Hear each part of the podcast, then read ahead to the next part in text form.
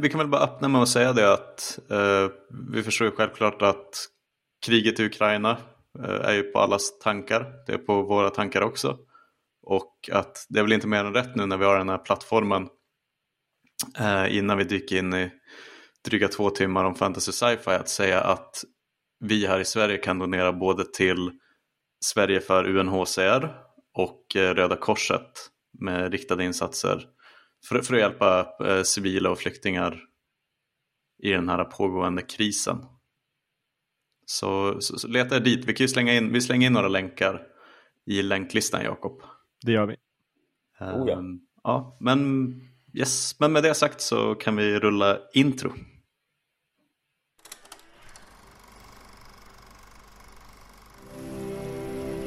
Welcome to Rivendell, Mr. Anderson.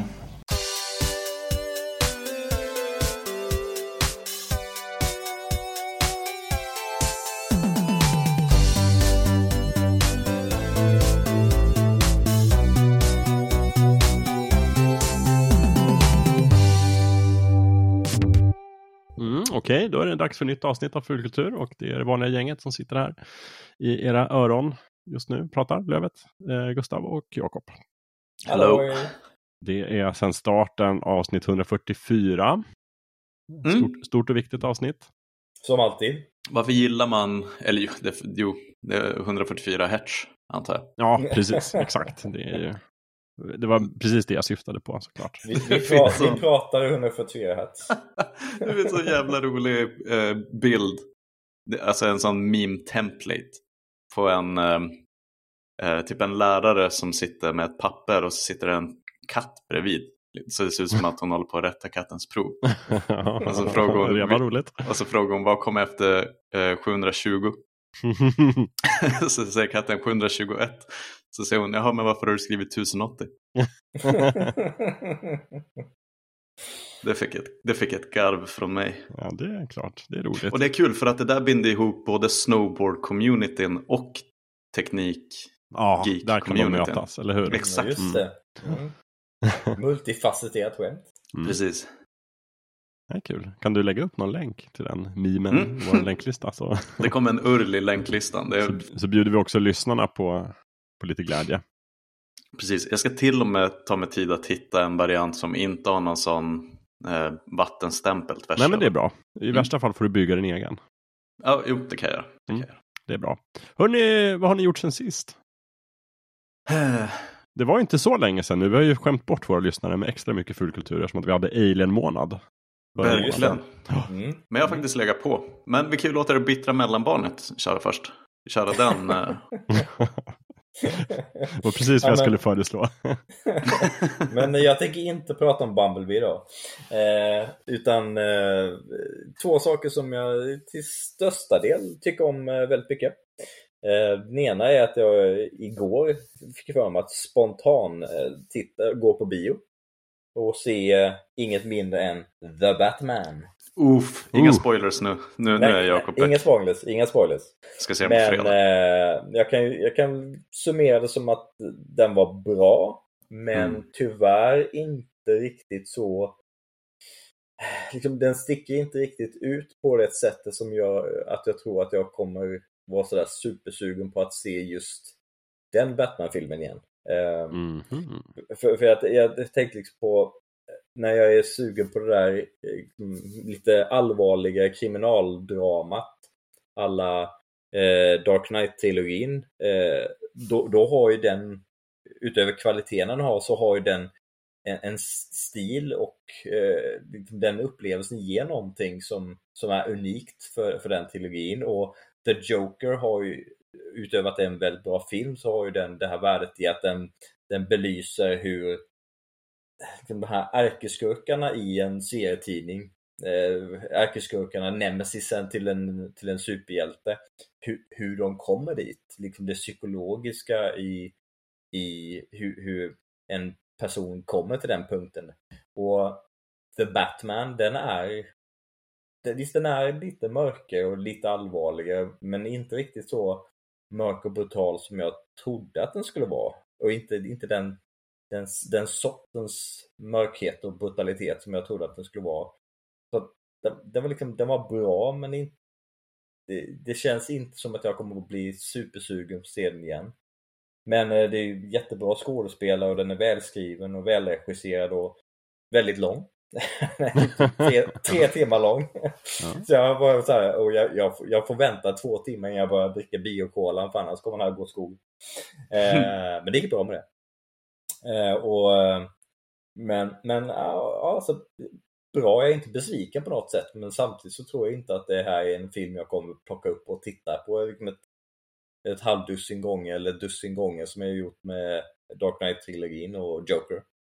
Eh, båda de två är ju jättebra filmer som jag, eh, som jag verkligen kan få sug på att se igen.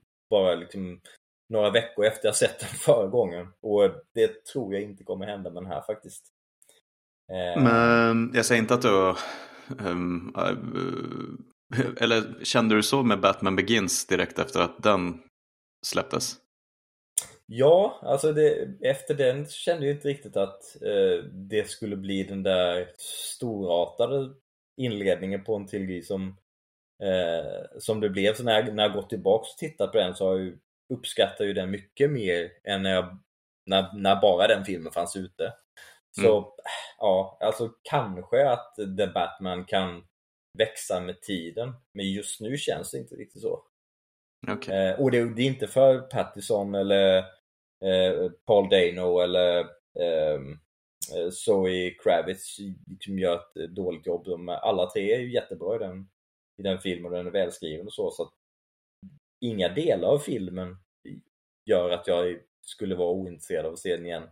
Det, mm. att jag, det, det, finns inget, liksom, någonting särskiljande som eh, just, nu, just nu känns det inte som att det finns något särskiljande som kommer få locka mig till att uppleva den igen. Men eh, ja, jag får återkomma längre fram om jag, Men, om jag ändrar mig. För det, ja, du kommer måste prata om den nästa avsnitt för då har jag sett den också. Och kanske eh, Jakob. Mm. Ja, kanske. Men eh, och, eh, världsbygge är ju någonting vi kommer att prata om mycket i det här avsnittet. Mm. Och, och, men det är nog det jag har tänkt på på liksom förhand. Att om det är någonting jag inte tror att de kommer att stjäla kronan från Christopher Nolan så är det hur um, hur duktiga de var på att göra sin egen grej med allt ifrån att göra liksom The Tumblr istället för den klassiska Batmobil och um, att allting var väldigt så mycket praktiska effekter. Att det kändes väldigt så tro, trovärdigt på något sätt. Mm. Och där tänkte jag att så här, det, det, kommer inte att vara den här filmens lysande liksom klara styrka.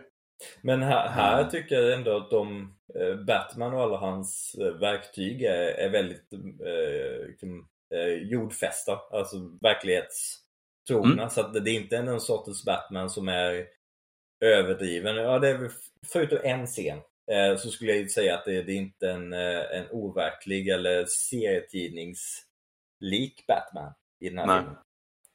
Eh, och, och allting sånt är väldigt välgjort. Och eh, men det Dark Knight-trilogin kunde göra, de, de kunde ju bygga upp den världen i tre filmer. Mm. Och här har de löst det med att det är, det är en ganska lång film. Så att de, de, får, de får ju tiden till att bygga upp eh, de olika karaktärerna, de olika eh, liksom storybeatsen i filmen innan man kommer in i själva köttet och potatisen med handlingen. Men, men man kan ju inte bygga, upp, bygga riktigt samma världsbygge i en film som man kan med tre. Eh, så det, den har ju det som jobbar mot den om man ska jämföra det med, med den trilogin.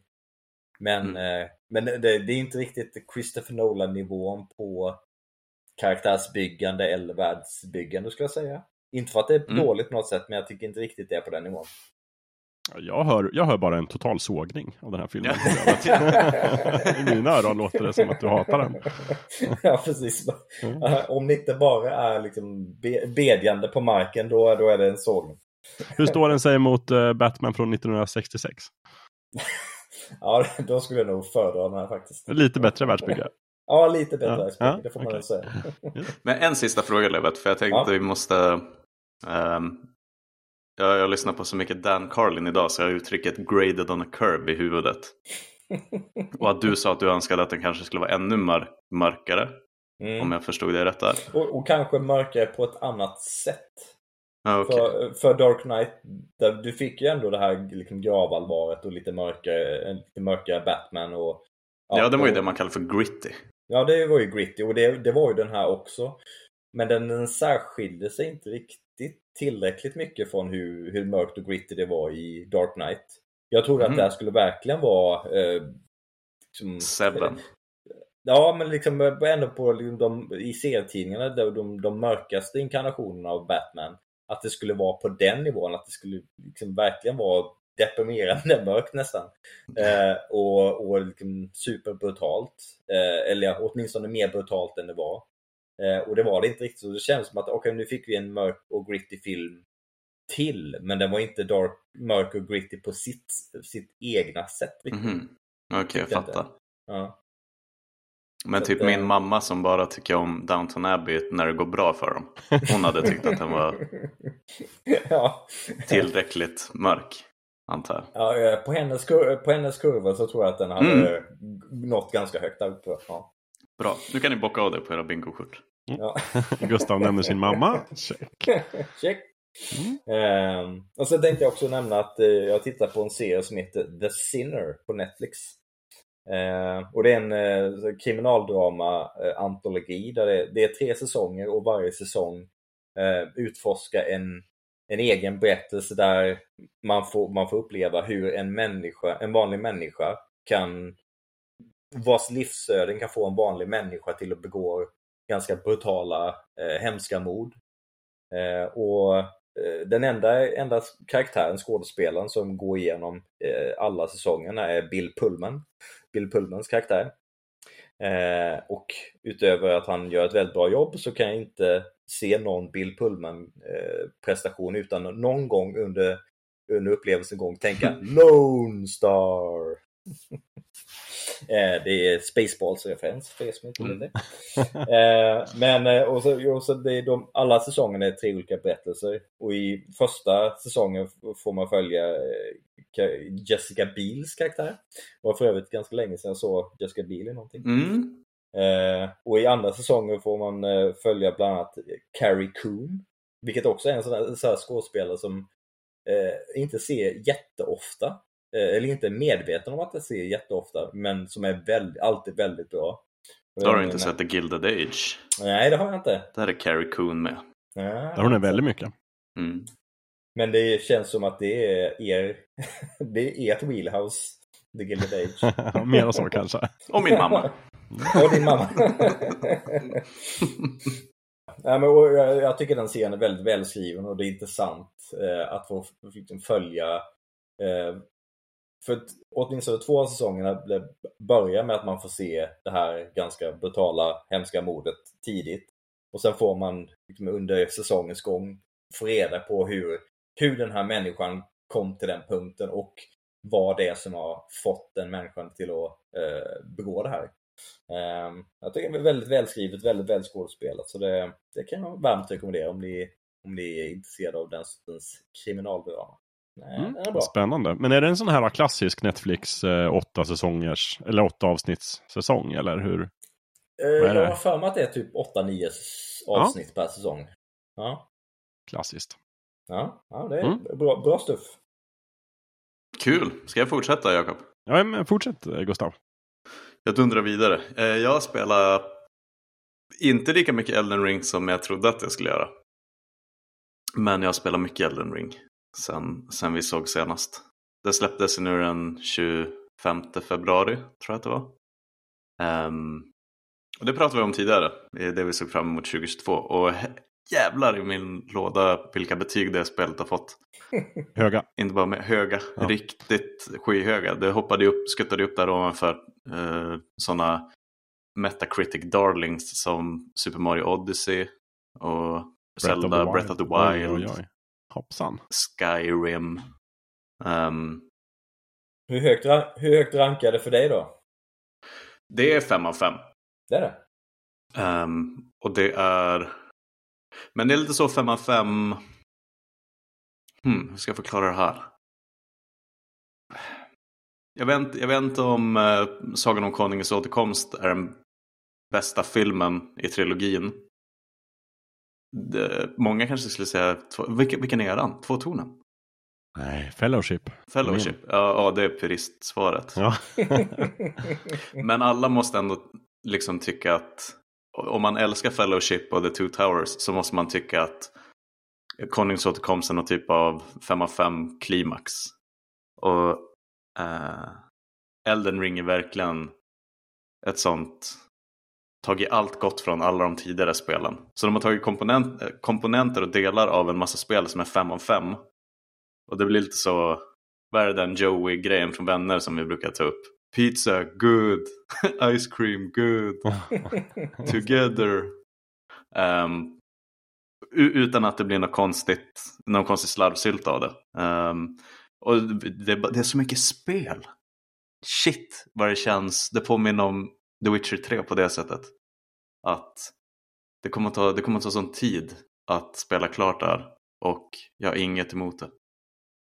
Ibland får jag ångest när jag tänker på att tanken på att dra igång typ Assassin's Creed Valhalla. För att det är så mycket spel. Um, men Elden Ring jobbar ju mycket mer med det här att det finns inga det finns ingen questlog, det finns inga storyn är otydlig och berättas mm. i periferin. Um, så mycket, alla de här liknande parallellerna man har dragit till eh, Breath of the Wild stämmer. Det är mm. som att uh, Dark Souls och Zelda Breath of the Wild fick ett kärleksbarn ihop. Mm.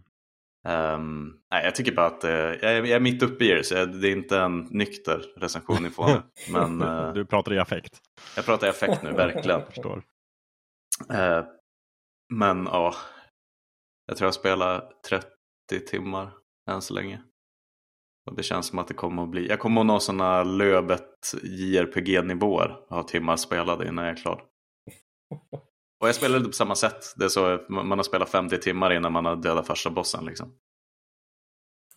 Men ty tycker du att det är, lite, det är mer nybörjarvänligt än de tidigare spelen eller är det samma stuk? Mm. Både och. Uh, jag skulle säga att den här Breath of the Wild-kvaliteten att ingen säger åt dig vad du ska göra. Um, kanske gör det lite svårare för man kommer in med någon typ av man är lite gammal i gamet om man har spelat de tidigare spelen så man känner igen lite trick de gör och uh, vet hur saker funkar. Mm. Så jag, jag, tror det kan vara lite ogästvänligt att hoppa in i det helt blint om man inte spelar något av de tidigare spelen i serien. Mm. Och så springer man rakt, rakt in i en vägg. I de tidigare spelen så har man sprungit in i en vägg men det är väldigt tydligt att det, det finns bara en vägg att springa in i och du ska förbi den liksom. Mm. Och därifrån har ju hela det här mantrat med Get Good fötts. Elden Ring har ju det här att du kan springa rakt in i en vägg men du kan också ta en skarp vänster och utforska någon annanstans. Och det gör det också enklare för att om du har problem med en, med en bossfight så kan du sticka iväg i 10 timmar döda vargar i skogen och liksom hitta någon häxa i en hydda och hjälpa henne att ge någon en kniv och så sen så kommer det en åttahövdad varg och sådär. Um, och så kommer man tillbaka till bossfighten och så är den mycket enklare för att du har, du har levlat upp lite, hittat något självlysande svärd som pratar med dig. Och, um, så, så på det sättet är det enklare. Man har, man har fler verktyg att progressa som Jocke Benetti inte hade sagt. Um, så det är lite både och, tycker jag. Det låter um, som eh, mer min, min typ av typ Souls, eh, Souls-genren kombinerat med JRPG eh, effekten av att kunna grinda sig till saker in i absurdum. Vilket jag eh, ja, men verkligen. att göra. Det, um, det, det, kan du definitivt göra. Uh, så, det, så det finns en massa verktyg för att göra upplevelsen lättare. Och så sen mm. så kollar man på någon på YouTube som varvar spelet på en Guitar Hero-gitarr med, medan någon liksom slår dem med sån, liksom ris i en bastu. Så får man lite mindre, mindre världskomplex.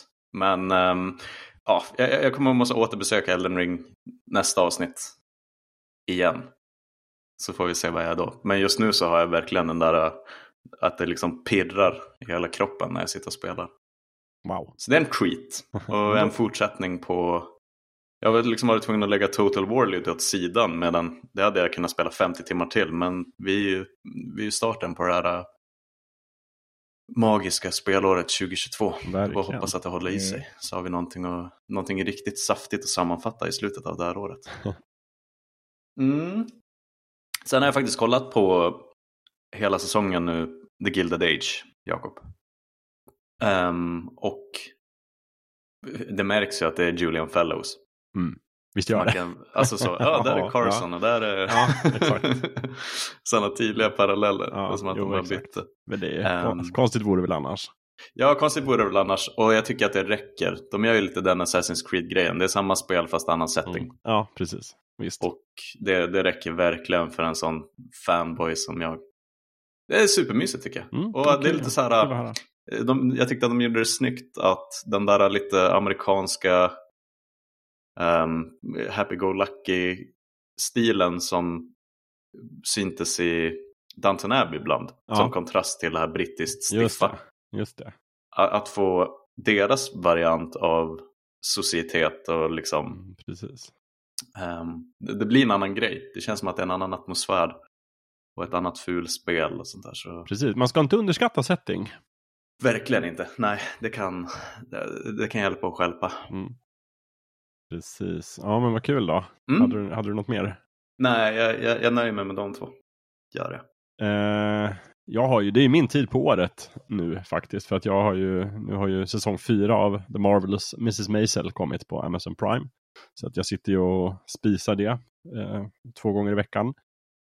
Eh, så att mellan det och The Gilded Age så är det ju bara, bara mys-tv för mig just Ja. nu. Verkligen.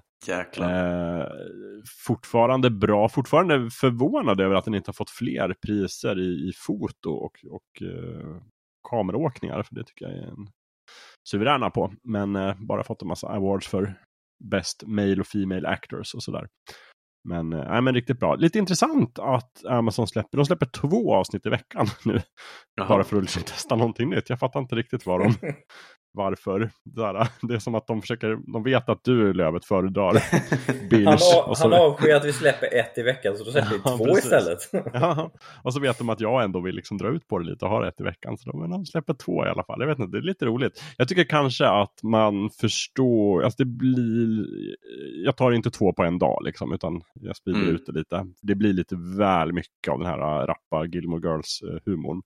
Om man tittar på två avsnitt i rad, tycker jag. Så att, ja, men det, det är perfekt att ta liksom ett och sen väntar man en dag och sen tar man ett till. Och sen då är det bara två dagar kvar till nästa. Eller tre, jag kan inte räkna. Skitsamma. Ja, en vecka går snabbt i alla fall när man har två avsnitt att spela med. Så det är det. Eh, Och apropå spela så har jag också, jag håller på nu med Cyberpunk 2077. Mm, spännande. Går jättebra för mig. Tycker jag. Eh, Jag vet inte hur långt jag har kommit. Inte så intresserad av det heller. Jag bara njuter av den här världen. Eh, Mm. Gå runt. Jag, jag vet inte, alltså just, just apropå hur viktig settingen är. Det kommer ju också komma in på väldigt mycket i det här avsnittet tror jag när vi ska presentera ämnet. Men bara just det här att det är ju på så många sätt är det ju verkligen ett klassiskt men välgjort RPG och liksom open world och det är side quests och main quests och det är liksom story missions och, och inte story missions och sådär. Och jag känner ju igen allt det någonstans. Men de har ju klätt det i en sån så här löjligt trevlig kostym som jag är helt förtjust i.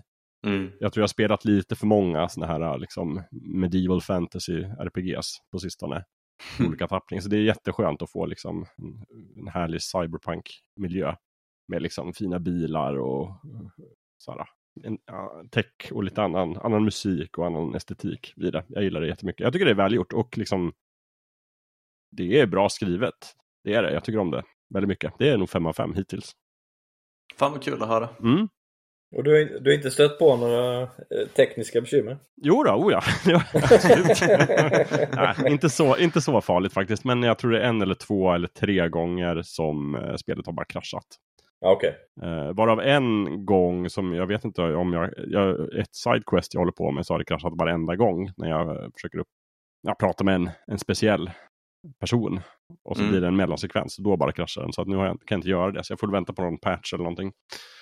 Eh, men men, det är ingen fara. Jag kan göra andra, andra uppdrag så länge. Mm. Ehm, det som stör mig lite lite kanske är väl att det är ju alla, det är så i alla de här spelen där det finns liksom en väldigt tydlig uppdelning mellan story missions som för liksom berättelsen framåt och sen så är det en massa side missions. Men eftersom att de är duktiga så försöker de ju bygga ihop de här så mycket som möjligt. Mm. Så att vissa karaktärer är ju med även i side missionsen och pratar och sådär. Men eftersom man kan göra ett side mission när som helst i spelet så blir det väldigt löst liksom så här, för att man kan ha en utveckling med en karaktär. Alltså huvudpersonen man spelar och en karaktär till har en jättetydlig utveckling i alla story missions. De går från att vara liksom antagonister, om man spelar så, till liksom mera vänner. Mm. Eh, Men sen så spelar man ett, ett varje side mission så är det som att de bara så här pausar sin eh, utomstående relation och bara, ja men nu ska vi vara nu ska vi vara så här väldigt neutrala med varandra. Det, det blir lite konstigt. Det är lite som, eh, som när Star Trek blir långfilm. När liksom också alla karaktärer blir helt annorlunda. Och Kapten Picard blir så här actionhjälte istället för den här schackspelande franska filosof, filosofen som man är i tv-serien. Lite märkligt tycker jag. Mm. Det stör mig lite. Ehm, jag, jag har sett dem eh, i busshållplatsen nu att Picard börjar rulla igen på Amazon Prime. Japp, precis. Men ni har inte hunnit kolla någonting Jo, då, har sett två? första avsnittet. Eh, absolut. Eh, blev gladare av det än av fjärde säsongen av, av Discovery. Eh, Mm. Men kände också lite som jag gör precis, som är liksom nästan upprinnelsen till det här avsnittsämnet.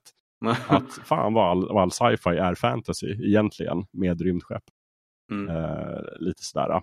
Men, men jag kommer till det alldeles strax. För att jag tänkte vi ska ha lite uppföljning också innan vi sätter igång. Med, eh, vi ska ha lite uppföljning från Alien-avsnittet. Vi har fått eh, mycket trevlig respons från Mm. det. Det verkar vara populärt. Folk älskar sina xenomorfer. Eh, men först, en liten rättelse.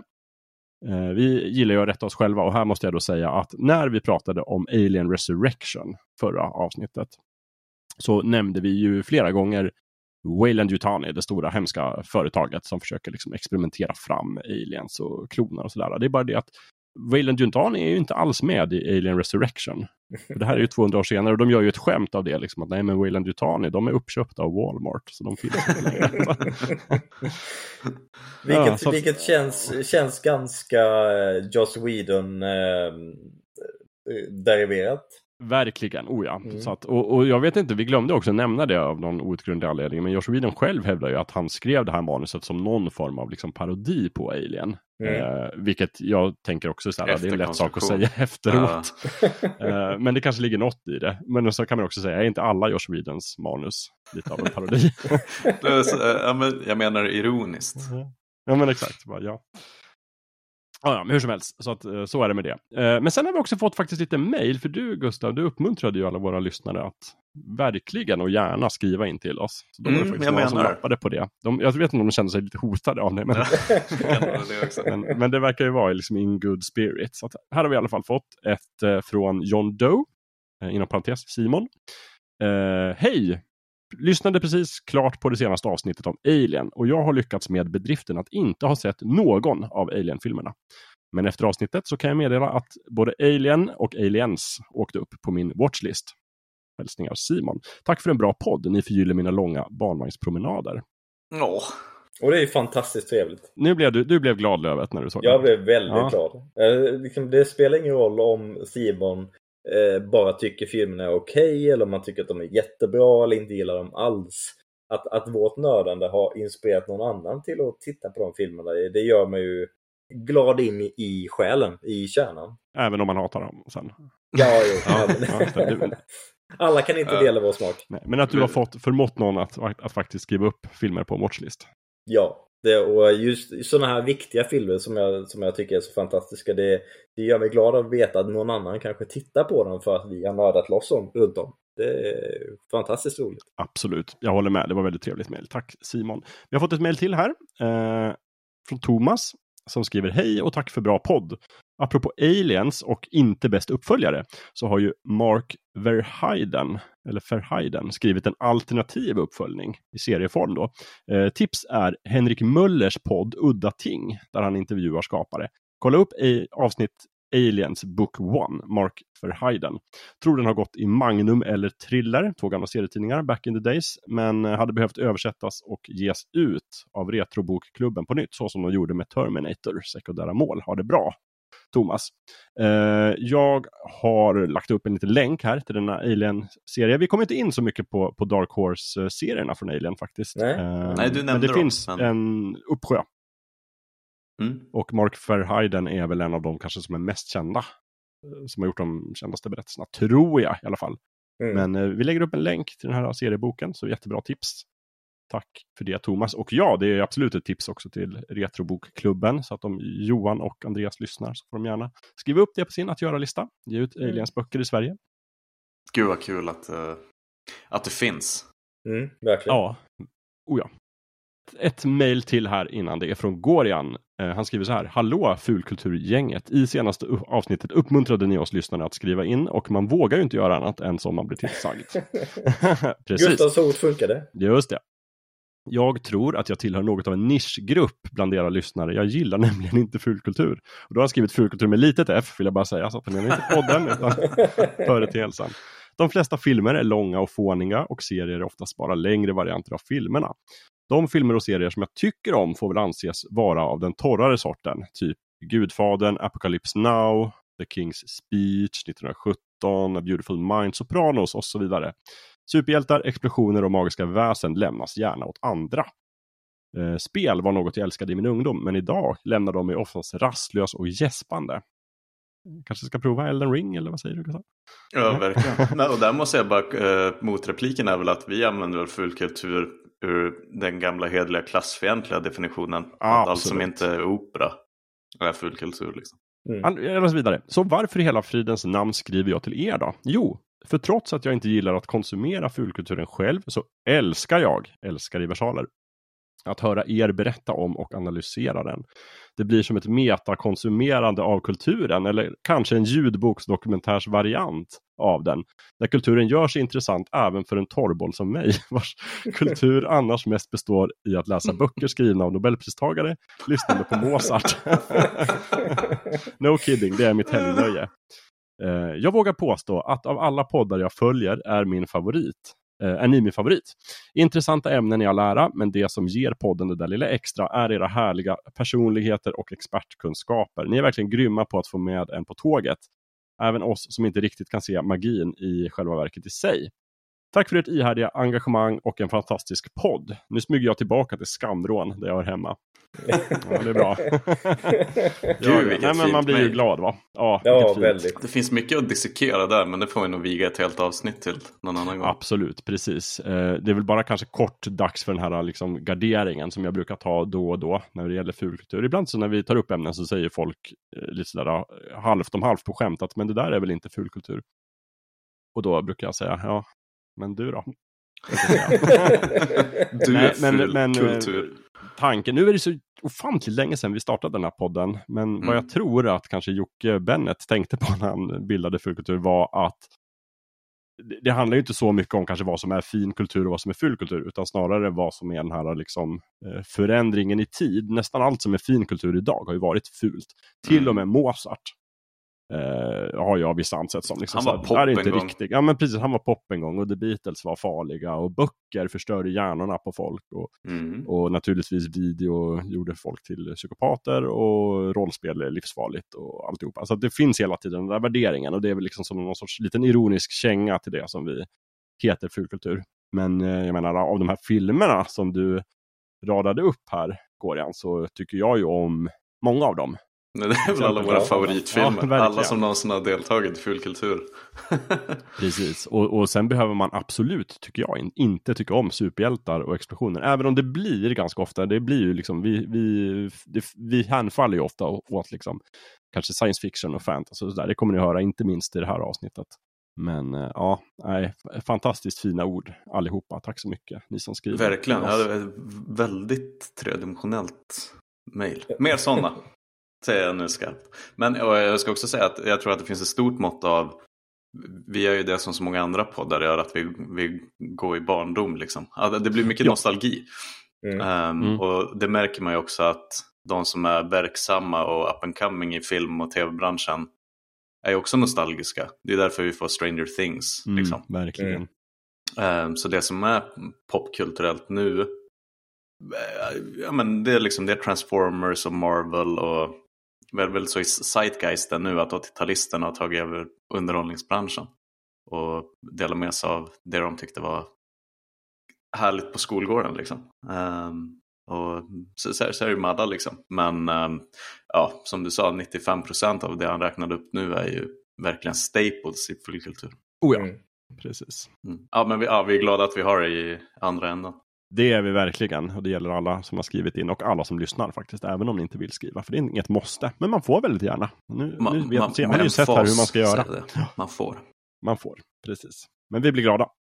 Det blir vi verkligen. Och sen kan vi också nämna att eh, på eh, Geeks Discord eh, var det en som eh, kommenterade att eh, han blivit inspirerad till att, att läsa eh, vår bokklubbs, bokklubbsbok eh, och fundera lite på hur vi tänkte att eh, vi skulle eh, ta upp den i podden. Och det, det har inte vi riktigt gått igenom hur Nej. i vilken form vi tänker gå igenom den boken. Nej, för det har vi inte tänkt på. Nej, det är det ärliga svaret. Vi har ja. faktiskt inte tänkt på det. Nej, men vi kommer att tänka på det så att vi kommer mm. ta upp det på något sätt. Tänker jag. Ja. Men, men jag tror att en bra början är att läsa boken och sen så i värsta fall så kommer man kunna lyssna på oss prata om en bok som man också har läst. Mm. Eh, och man får också naturligtvis massor av tillfällen att skriva in och liksom berätta sin egen bild av den eller tycka liksom, vinklar som vi ska ta upp. Men mm. jag tänker också att i ett, i ett, bättre scenario så kanske vi kan förbereda någon form av frågor eller någonting och sen ska man ha någon sorts diskussion innan avsnittet. Så vi får mm. in lite feedback. Vi kan göra en liten undersökning bland de som har läst boken, vad de tycker. Mm. Någonting sånt kanske. Det kan ju bli ett specialavsnitt där vi, eh, där vi diskuterar boken tillsammans. Ja, allt är möjligt. Och, och för er som inte vet om det så är det ju Project Hail Mary eh, som blir vårt eh, bokklubbsprojekt. Mm. mm. Andy Wire. Mm. Ja, hörni, eh, även det här ämnet, även det här avsnittet ska vi ha ett ämne och eh, jag har ju kallat det för fantasy och sci-fi, likheter och skillnader. Eh, mm. Jag tänkte jag skulle förklara mig lite innan vi liksom kastar oss in i det. Jag tror utrinnelsen i det som sagt är att jag tittat på väldigt mycket science fiction och fantasy på alla dessa streamingtjänster på sistone. Det har ju verkligen kommit en hel hög. Alltså möjligtvis var det ju Game of Thrones som sparkade igång hela liksom fantasy-renässansen på tv. Är det rätt att säga? Det tycker ja. jag. Men efter det har vi fått också liksom The Witcher på Netflix och vi har fått Wheel of Time på Amazon och nu kommer vi få en Sagan om ringen tv-serie också på Amazon och det finns också en hel del mindre kända och slash sämre eh, fantasy-serier överallt som jag inte minns vad de heter. Eh, på science fiction-sidan så har vi fått nya säsonger av Star Trek uh, till höger och vänster. Vi har fått en massa Star Wars-tv i The Mandalorian och Book of Boba Fett och det kommer en miljon till.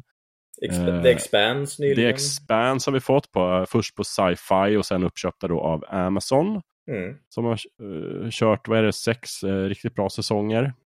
och på Apple TV Plus så har vi fått en väldigt påkostad adaptation av stiftelsen, The Foundation, som eh, mm. tror i alla fall både du och jag gillade, eh, Gustav. Ja, slow burner. Ja, så jag har liksom exponerat för väldigt mycket av det. När jag var liten så trodde jag väl att det här var helt omöjligt. Att man skulle kunna få se så här mycket rymdskepp och magiska trollstavar i liksom ett tv-år. Men återigen, alltså, 80-talisterna är köpstarka som fan just nu. Det är de verkligen. Ja, och de, det är de mm. som... Mm. Nu är det du som styr ja. Det är de som riktar kameran. Ja, så är det. Eh, men då är jag ju inte nöjd med det naturligtvis. utan genast så hittar jag ju luckor i liksom, fasaden och, och sprickor i, i pansaret. Eh, jag blir mer och mer frustrerad över att jag inte tycker att det visas någon respekt för liksom, de gamla litterära genreförlagorna till eh, science fiction och fantasy. Jag tycker att de blandar och ger alldeles för mycket i tv idag. Um, så det är väl liksom poängen. Jag tänkte vi kunde liksom diskutera lite de här genrerna och kanske den här övergripande genren som man pratar om, liksom speculative fiction, spekulativ fiktion och se om vi kan hitta liksom så här, vad är egentligen, kan man definiera science fiction, kan man definiera fantasy? Och kan man utifrån det se så här, vad är, varför stör det mig när, när Star Trek blir liksom lite för mycket magiskt jumbo jumbo, jumbo Uh, så att egentligen handlar avsnittet om mig och att jag ska njuta mer av, av olika mm. tv-serier. jag undrar vad jag nu ska... Lövet fick till två avsnitt Alien. Mm, nu, nu, får du din Men det var nästa avsnitt. Ja, men du laddar ju för ett långt Elden Ring-avsnitt känns det som. Mm. Eller något liknande. Men du kan få nästa avsnitt, det är inga problem. Men jag, alltså, jag, jag tycker bara att du ska embracea den här Ta, ta scenen Jakob. Ja, tack. Nej, men jag har ju pratat tidigare, vi har haft avsnitt om, om science fiction. Vi har, till exempel förra året hade vi ett avsnitt om space opera och då kom vi också in på lite närliggande genrer. Uh, vi har pratat, för i tidernas begynnelse, för länge, länge, länge sedan så hade vi ett fantasyavsnitt. Uh, och där tror jag vi kom upp också lite grann i olika undergenrer av fantasy. Uh, men jag tänkte kanske att vi jag tror att de flesta, det är ju lite så här, det, båda genrerna ligger nära varandra och har alltid gjort och det har alltid funnits diskussioner om om det inte egentligen är liksom två sidor av samma mynt. Samtidigt som jag alltid har haft en ganska stark känsla av vad som är vad. Jag vet, jag känner igen min science fiction, jag känner igen min fantasy.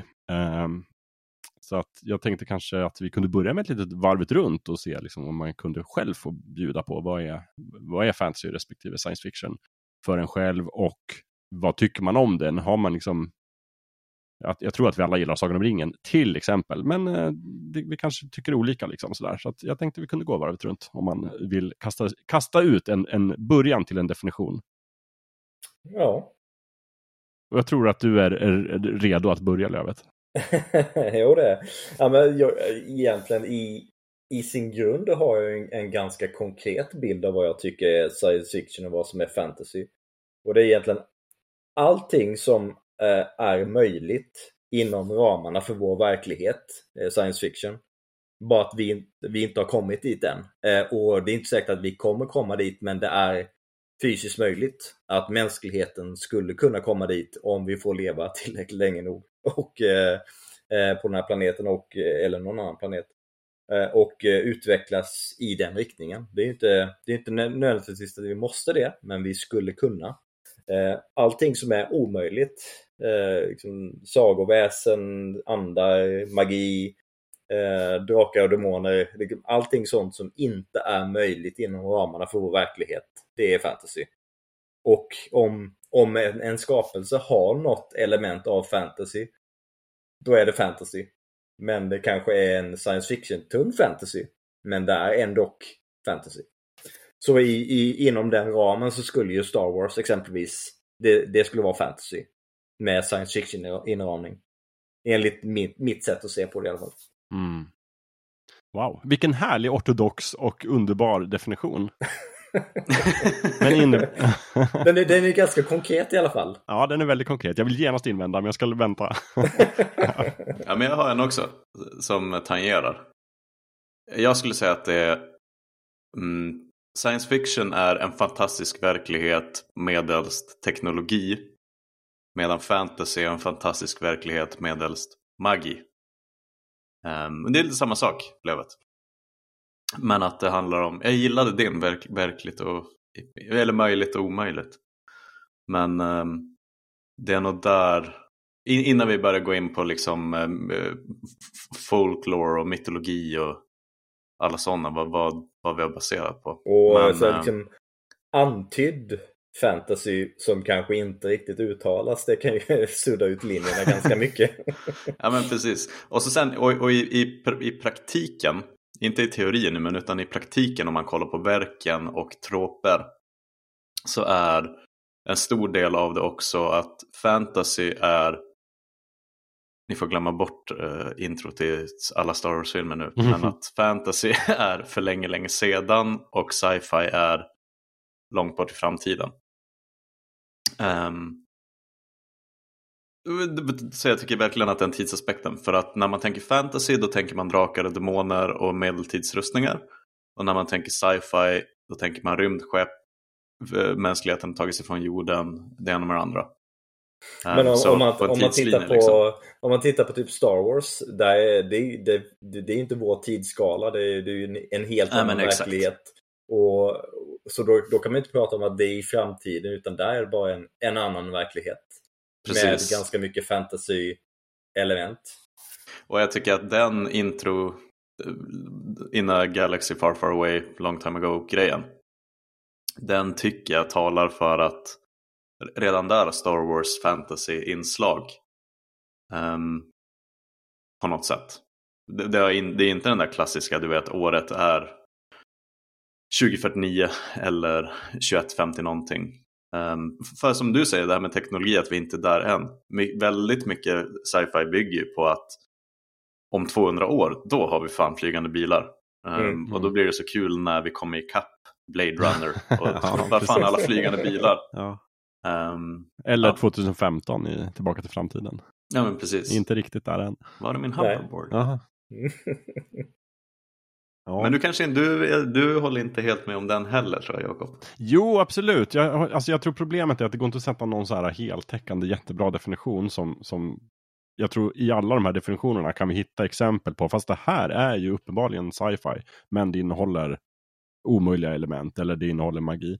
Um, jag gillar båda de här uh, definitionerna. Jag, det finns ju en annan som jag gillar också, som är typ att um, Vänta nu, du, du ska inte ens låtsas att du hittar på det själv?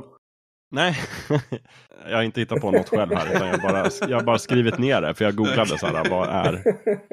Och så. Men det finns ju en där man pratar om det som är ganska liksom användbar. Uh, och det är väl en skillnad i att science fiction är, handlar mycket om liksom så här, sociala konsekvenser av uh, antingen osannolika händelser eller tek ny teknik. Mm. Medan fantasy handlar bara om att berätta en, en spännande historia.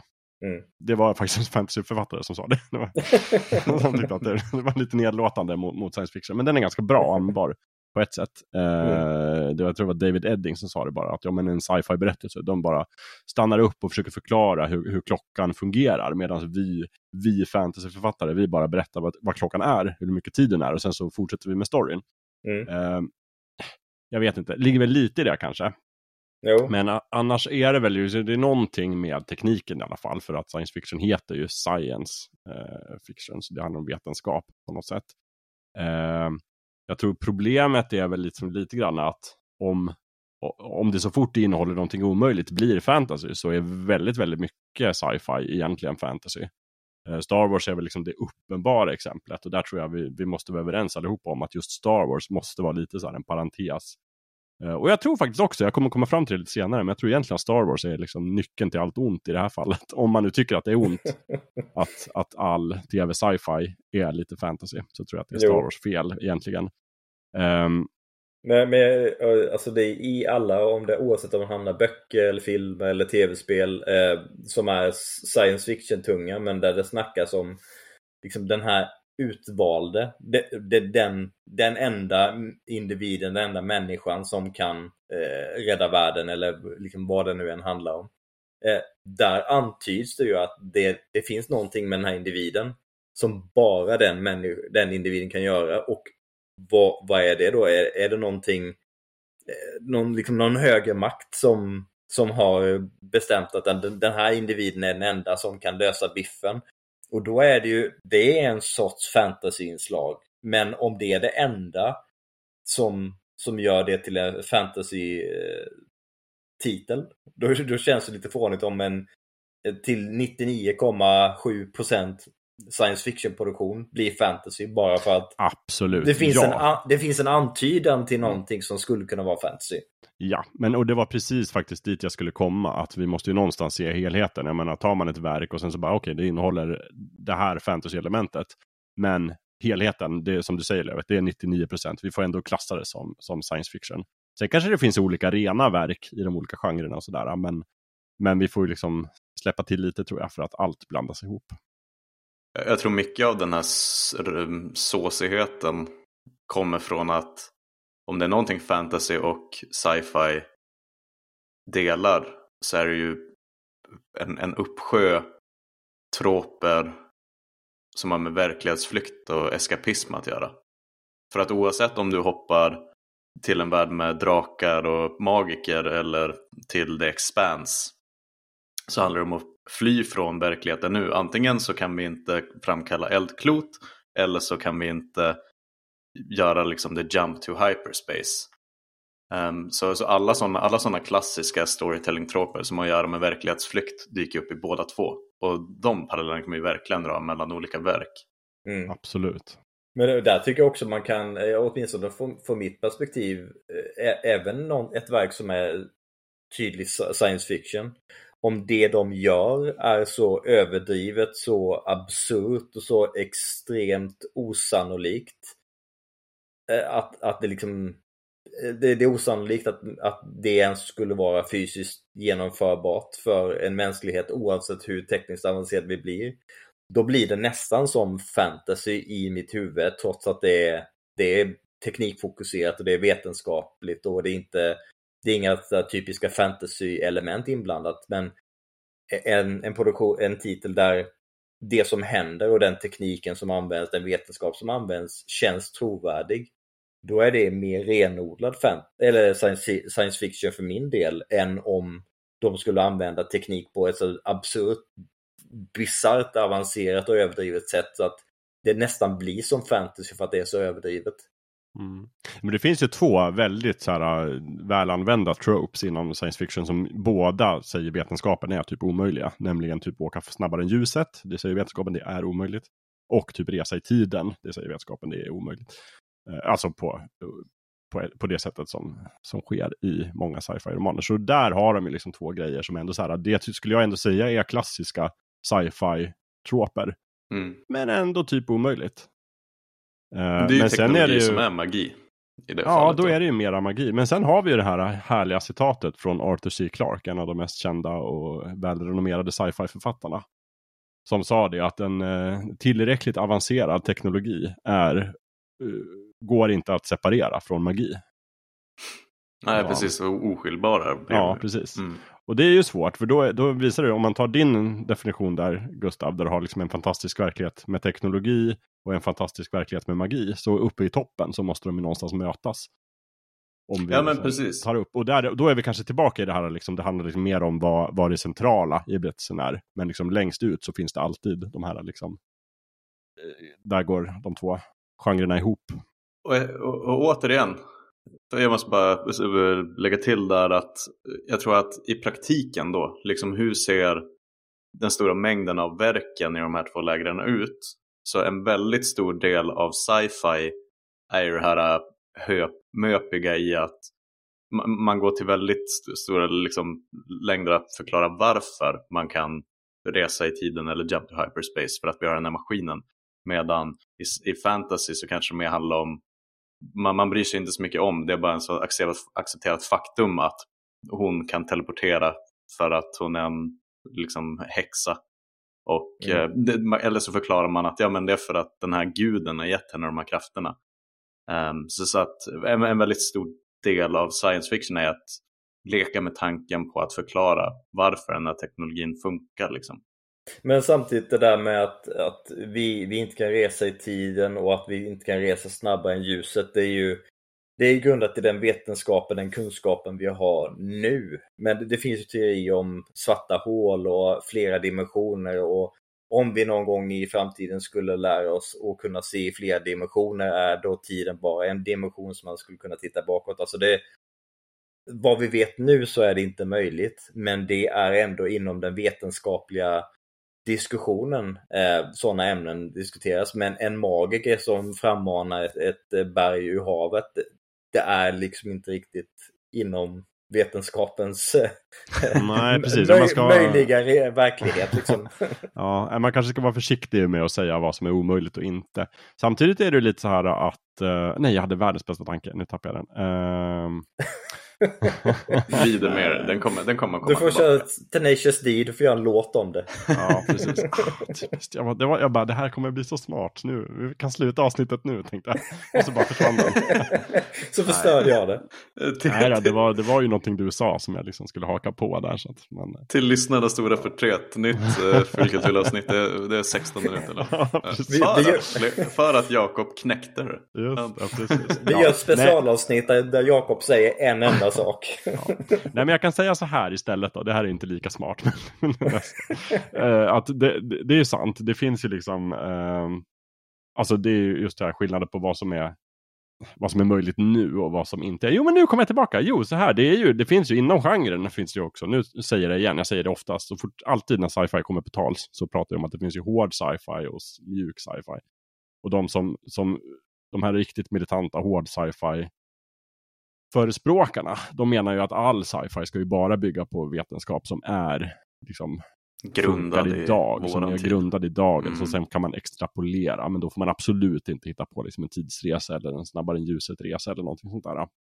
Eh, och det är lite överdrivet kan man ju tycka. Sen finns det den här kanske lite mjukare science fiction där man faktiskt kan ta sig vissa friheter med, ja men så här, säg att vi kan åka snabbare än ljuset för att vi ska kunna berätta en berättelse om hur man här, koloniserar en annan stjärnsystem eller någonting. Och då är vi ju snarare kanske in där det jag sa förut, att, att en utgångspunkt i science fiction är liksom så här ah, förändringar som kommer av liksom samhället och, och för människan utifrån vissa tekniska förändringar. Då är de inte fokuserade egentligen på så här, ah, hur fungerar det att åka snabbare än ljuset, utan de är intresserade av så här, ah, hur skulle det gå till för samhället om vi började kolonisera andra världar och hur liksom eh, sådär. Mm. Så att det, det, även inom sci-fi finns det lite olika så här grejer där man liksom fokuserar på och tycker det är viktigt. Fantasy känns ju mycket mer mjukare. Det känns ju som att det är lite mera whatever goes. Precis. Ja, men där, där, är det, där är det mer så det är upp till författaren att skapa en värld och förutsättningar. Medan science fiction är mer rotat i de förutsättningar som faktiskt finns i vår verklighet och vad kan man skapa utifrån det istället. Ja, Och där tycker jag man hittar liksom en väldigt enkel lösning i namnen. Att fantasy, fantasi liksom. Medan science fiction är, det är fiktion så det indikerar att det inte är verkligt. Men det, bygger, det är byggt på alltså vetenskap liksom. ja Mm. fan det har du rätt i. Ja. Nu kan vi avsluta avsnittet. Okej, sl- sluta spela in. Slut. ja, det klart. Hemlig, hemligheten fanns i namnet. Ja, precis. Men, men, men.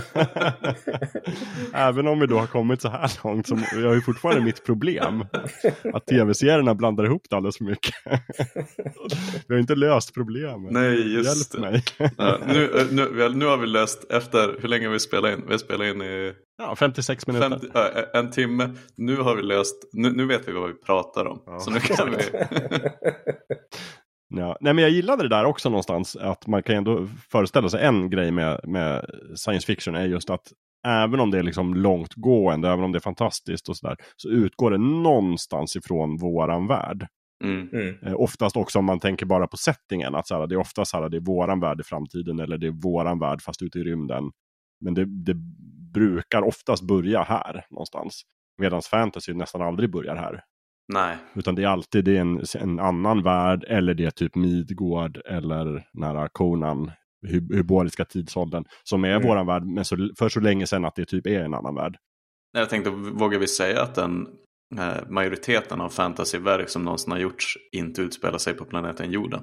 Ja, det skulle jag våga säga. Mm. Och där, där, där kan man ju också åt, återigen jämföra Star Wars och Star Trek.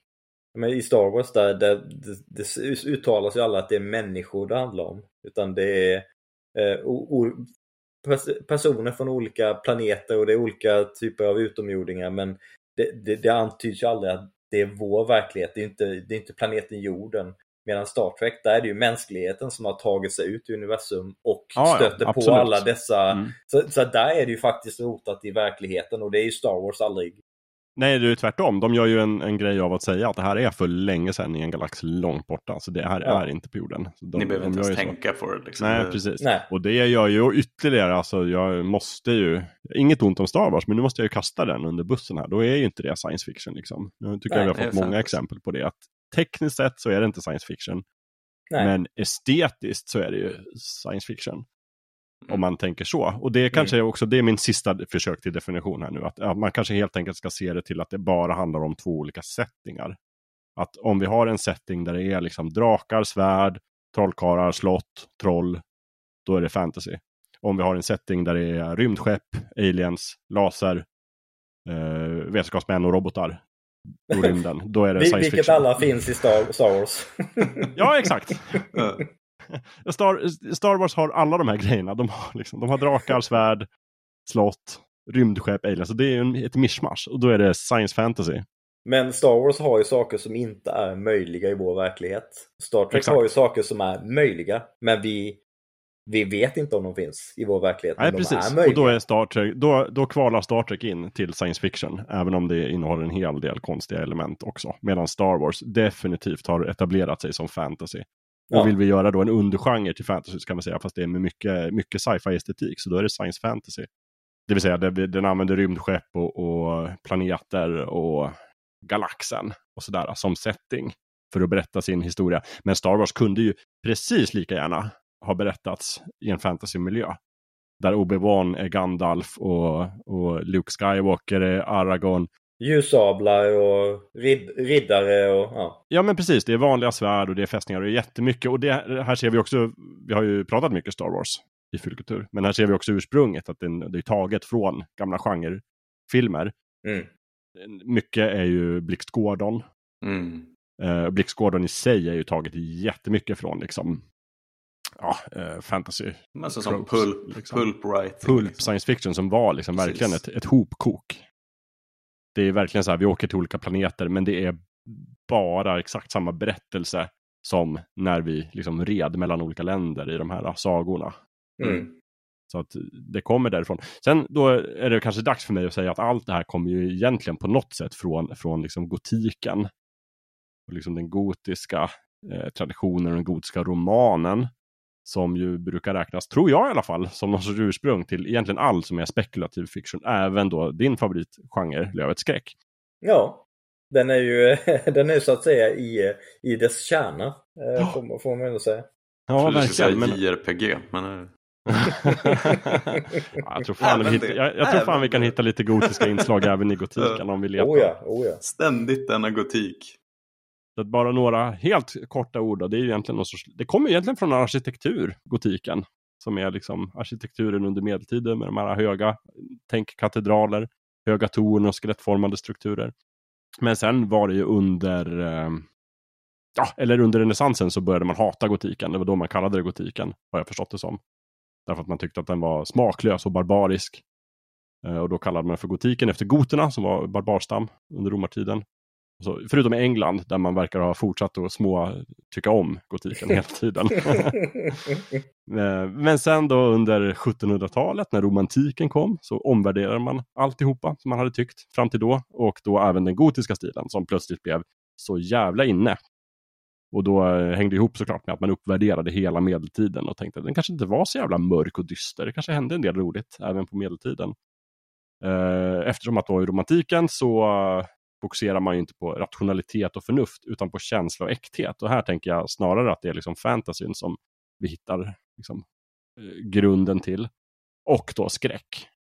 Mm.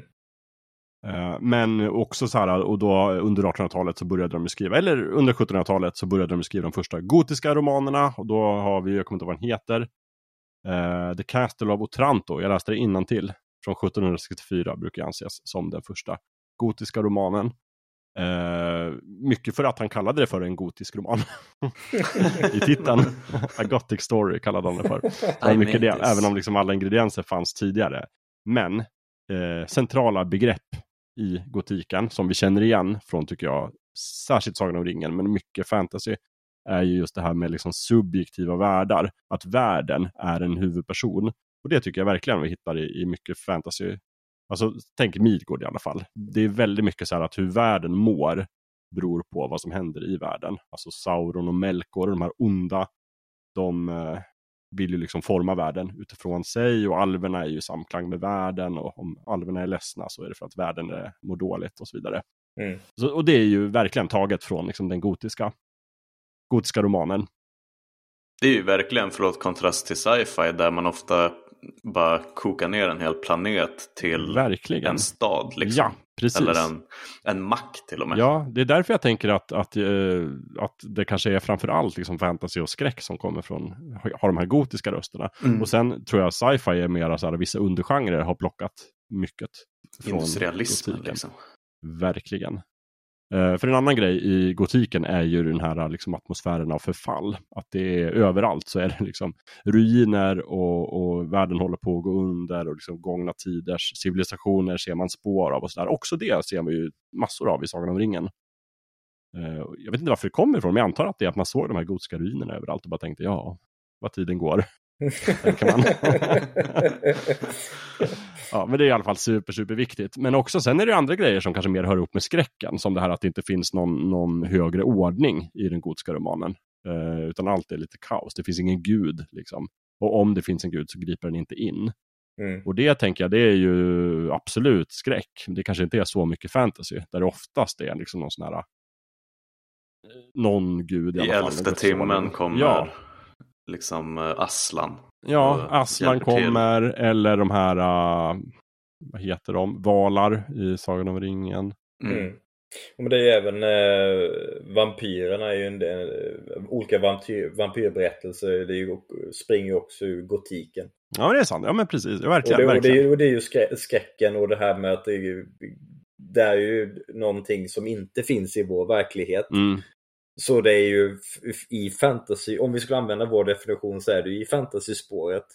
Och det är, det är gotiken som ligger till grund för, eh, för den genren. Skräck Ja. och vampyrskapelser. Ja men verkligen. Och sen när man tänker just sci-fi, det är nog, tror jag också, som du sa Gustav, att, att eh, industrialismen påverkade jättemycket hur man eh, skrev även gotik. Men också från gotiken har det ju blivit den här gotrörelsen och punkrörelsen. Har ju plockat Mm. mycket från det. Och där tänker jag snarare alltid så här, cyberpunken har ju väldigt mycket gotiska inslag Mm. i sig. Verkligen. Eh, men kanske inte den här klassiska som vi tänker, rymd sci-fi. Alltså kanske snarare space opera och liksom episk sci-fi och sådär. Utan där är det nog mera eh, vetenskapen. Men eh, vi har den första sci-fi-romanen, är ju Frankenstein. Och den Mm. är ju, räknas ju definitivt som en gotisk roman. Så att det, var, det var där jag skulle knyta ihop säcken och få att därifrån kommer allt. Och där har vi faktiskt eh, Frankenstein versus Bram Stokers Dracula. Som the, the, the original sci-fi versus fantasy. Precis. Striden. Redan då alltså rasade Mm. striden mellan teknik och magi. De poddade, poddade arslet av sig på, den tiden. På gamla vax, så här, Ja. rullband, vax, vaxkassetter.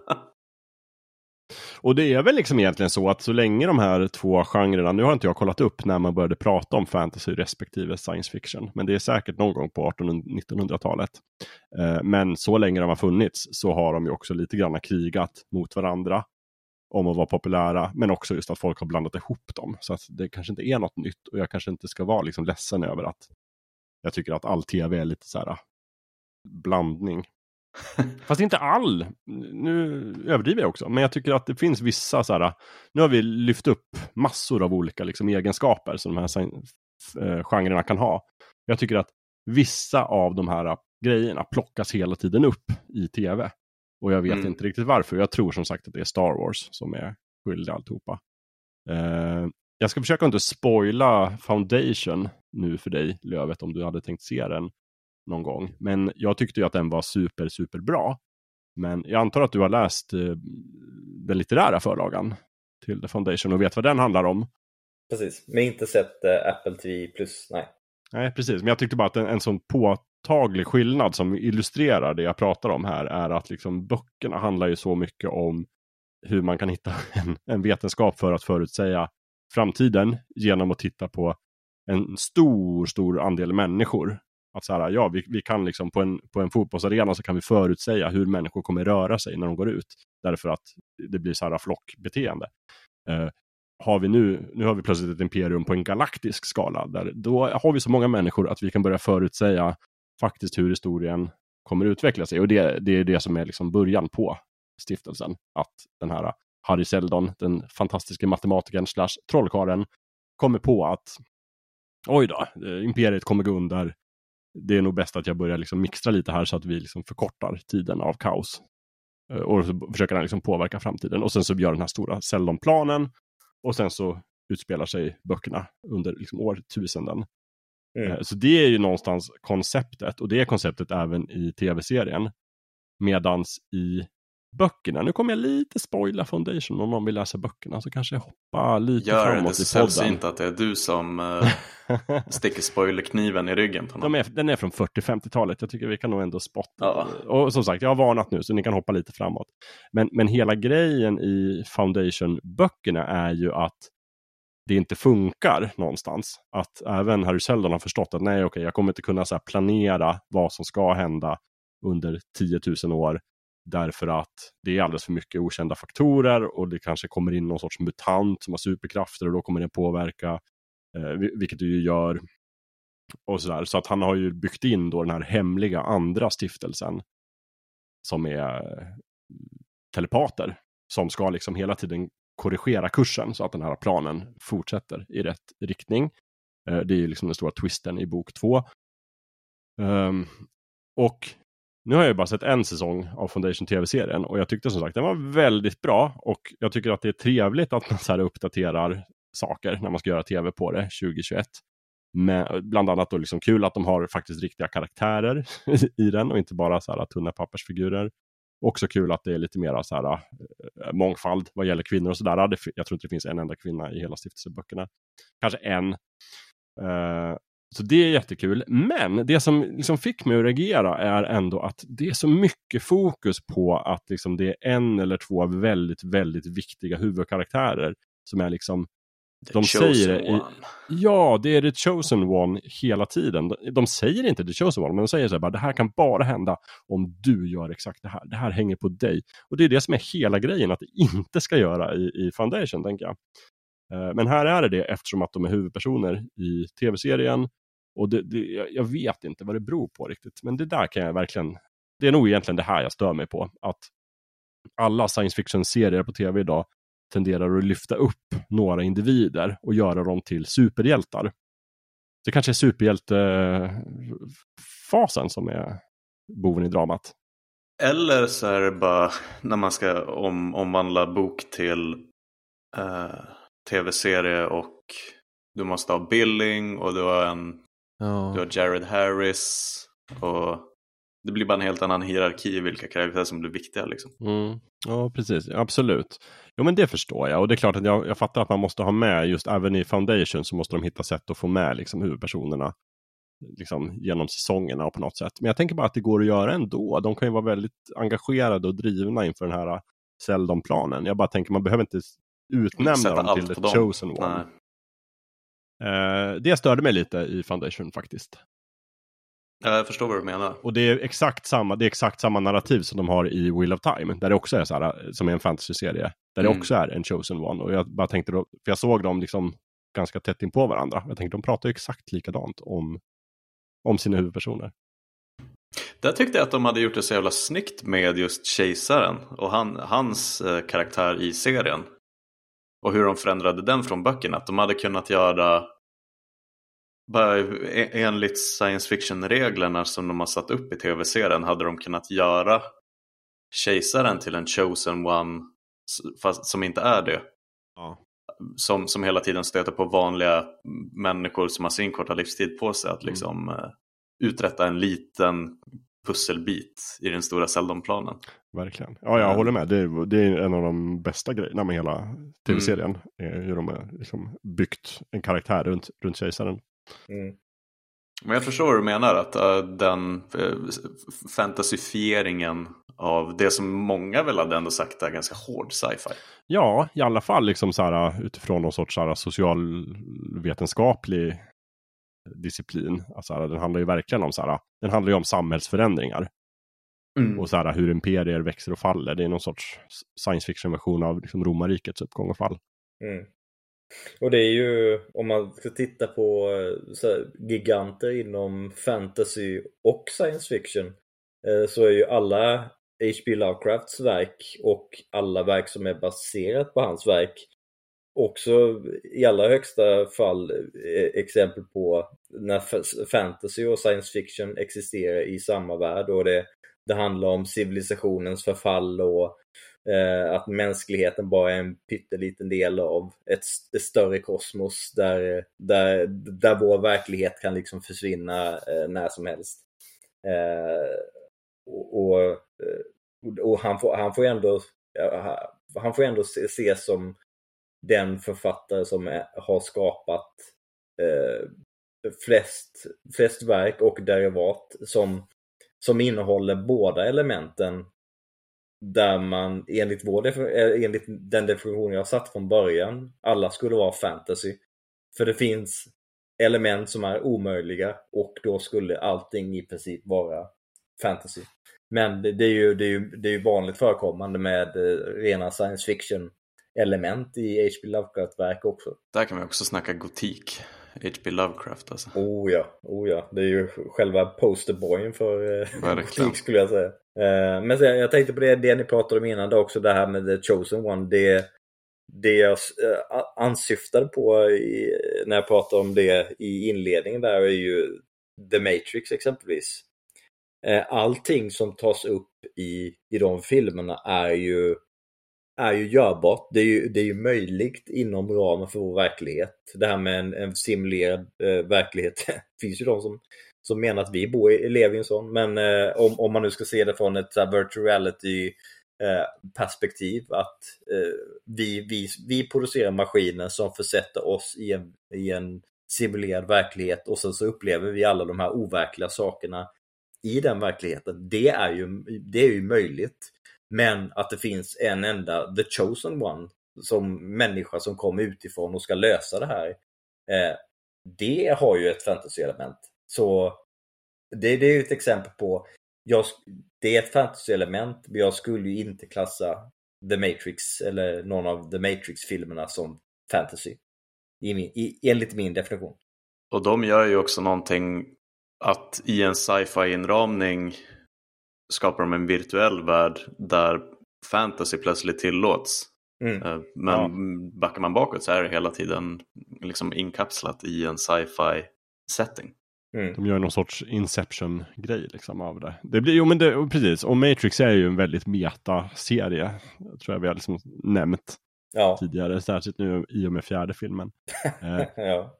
Men jag håller med, jag tycker också att det är en, det är en science fiction-film som tar ett science fiction-begrepp, nämligen den här liksom datorgenererade, simulerade verkligheten. Och sen så tycker jag att de slänger in lite fantasy-strössel, liksom. Mm. Mer och mer i, i takt med att filmerna går. Eh, för de, de leker i och för sig ganska mycket med den, det här The Chosen One, för det handlar ju mycket om så här, först bara nej, nej, jag är inte The Chosen One, det finns inte, man kan inte vara det. Den obligatoriska Ja, komponenten, och sen bara, jo ingrediensen. okej, i- jag är det. Och sen, nu spoilar jag också The Matrix, eh, andra filmen, Revolu Re Reloaded, heter Ja. den. Där liksom det avslöjas att nej men, The Chosen One, det är bara liksom ett påhitt. Vi har bara, det är bara en mekanism som vi har byggt in för att liksom kunna återstarta The Matrix Mm. varje gång. Och sen tredje filmen, ja fast nej, han är verkligen the chosen one. Fast ni vet, som inte, på ett mycket mer sätt än ni trodde. Han, och så lägger de in lite så här, the power of love. Och det blir ju fantasy. Först lurar de Neo, sen lurar de publiken. Ja, precis. Ja, nej men, och, och sådär. Och det är klart att jag, jag ändå klassar, jag ställer ju naturligtvis den filmen på science fiction-hyllan. Mm. Såklart. Men om jag skulle behöva skriva en innehållsförteckning så skulle jag behöva skriva en asterisk och säga så här, innehåller inslag av fantasy. Så det kan innehålla spår av nötter Ja, precis. i, i affekt. ja, Men, eh, och jag ska bara nämna, jag har vid minst ett tillfälle tidigare, kanske fler, eh, pratat om en, eh, en, en serie fantasyböcker som jag har beskrivit som fantasyböcker. Eh, och det är Teddy Williams eh, bokserie Otherland. just Eh, och eh, Teddy Williams är ju en fantasyförfattare och eh, själva köttet och potatisen i den berättelsen är väldigt mycket fantasy. Men det utspelar sig av i liksom, människor, eh, unga människor som kopplar upp sig mot den här virtuella verkligheten och lever i den och eh, så, ja, så finns det ju eh, onda makter som vill utnyttja de här individerna som är inkopplade i den här världen för sina egna ja, eh, ändamål. Eh, ska inte avslöja dem om, om det är någon som inte har läst den än, för den kan jag varmt rekommendera. Men där, där, där är det väldigt mycket fa- fantasyvärldar, fantasyhändelser som utspelar sig i de här olika världarna som finns i den här simulerade verkligheten som de kopplar upp sig mot. Men allting är ju möjligt eftersom det är en simulerad verklighet de kopplar upp sig till så är det ju inte fantasy. För allting som utspelar sig där det är ju en, en digital verklighet som, eh, som eh, organiska individer är uppkopplade mot. Så det är ju egentligen det är ju en science fiction berättelse med, med inslag av fantasy. kan man, får man säga. men det är, lite, det är nästan en liten cop-out liksom. ja, jo men Det det, är det är nästan så. en, en teknikalitet. För det är lite som så här, en hel säsong av Dallas eh, bara påhittad för det var en dröm. Det är lite sådär. Ja men vadå, vi kan ju berätta vad som helst i den här säsongen för det var en dröm. Det är fortfarande, eller så här, det, det, är klart att det, det, är ju science fiction då också, men då använder den också väldigt mycket. Då finns det ju nästan en fantasyberättelse inuti den här science fiction-berättelsen. Mm. Det är roligt. Eh, och då är vi kanske tillbaka lite grann på så att om, om man, vad man ska klassa det som kanske egentligen handlar om lite så här, vad är ambitionen med berättelsen? Är det liksom att berätta någonting om vårt samhälle och vår tekniska utveckling? Det kan ju det här vara då. Eh, eller är det att berätta liksom en spännande berättelse? Och och det kan det ju vara också naturligtvis. Men det är väl lite det som är det jag tycker är liksom lite synd med dagens stora tv-produktioner. Att det verkar i allt högre grad bara handla om att berätta en rolig historia. Eller en spännande historia inom citationstecken. Och det handlar lite för lite om att spekulera i så här, hur kan tekniken påverka oss som samhället och människorna. Det är väl liksom, jag menar Black Mirror naturligtvis gör ju det. Mm. Det finns ju exempel. Och jag skulle ändå klassa in The Expanse som en, en eh, ganska ren science fiction Mm. serie. Det får man säga. Det är klart att det finns ett eller två, om inte omöjliga, så i alla fall väldigt osannolika inslag där också. Men det är ändå så här, det är ju en berättelse om, om det mänskliga samhället, fast på en solsystemskala. Och den, den, den spekulerar ju så här, hur, hur kommer vår politik fungera när vi rör oss mellan planeterna i solsystemet? Och där får man verkligen ge eh, tv-serien och skaparna, man får ge tv-serien cred för att de aldrig släppte fokuset, the, ja. the, the big picture på sex säsonger. Att i, i, den sjätte säsongen så har det inte smalnat av. Tänkt, Game of Thrones följer verkligen offer som ett fantasyverk på det här att det, det fanns en väldigt sån big picture, det var familjer och politik och ja. smalnade av till fyra, fem karaktärer som skulle ja. rädda världen. Mm. Uh, och där måste man ändå ge The Expanse cred för att i sjätte säsongen så var det fortfarande liksom kärnan var konflikten mellan Belters och jorden, Mars och alla de här olika fraktionerna. Ja, ja men de behöver verkligen sitt fokus där. När man hade kunnat fantasifierat det och gjort bara att det skulle handla om Holden som ska rädda universum liksom. Ja, nej men precis. Vi har ju pratat om Game of Thrones tidigare, men jag tror, jag tror kanske har sagt det här också till och med, men jag tror verkligen att det som gjorde att många gillade Game of Thrones, eller det som många gillar med Game of Thrones, är väl just att det är mycket en sån dekonstruktion av klassisk fantasy. Mm. Det är mm. liksom så här, de tar de här troperna och sen så bara, fast i verkligheten, om det här hade varit en verklig fantasy, så hade den här personen dött. Exakt. Mm. Att det finns ingen profetia. Det, han tror bara att han är liksom the chosen one. Men han är inte det. Han är inte odödlig. Nu ska vi se. Så här kommer det gå till. Ja, han blir avhuggen av huvudet. Uh, och då är det snarare en så här, liksom spekulativ science fiction. Då är det kanske ja, fantasy fiction. Eller liksom science. Alltså det blir någon sorts Mm. Den lägger in det här rationella och logiska då i det i början och sen så spårade den ju de sista säsongerna för då blev det ändå så här, nej men det är egentligen fyra personer som det handlar om och man kan flyga drakar till höger och vänster och det handlar om att stoppa det här, bla bla bla. Och det blev ju alltså ren fantasy och ganska jönsigt i slutet.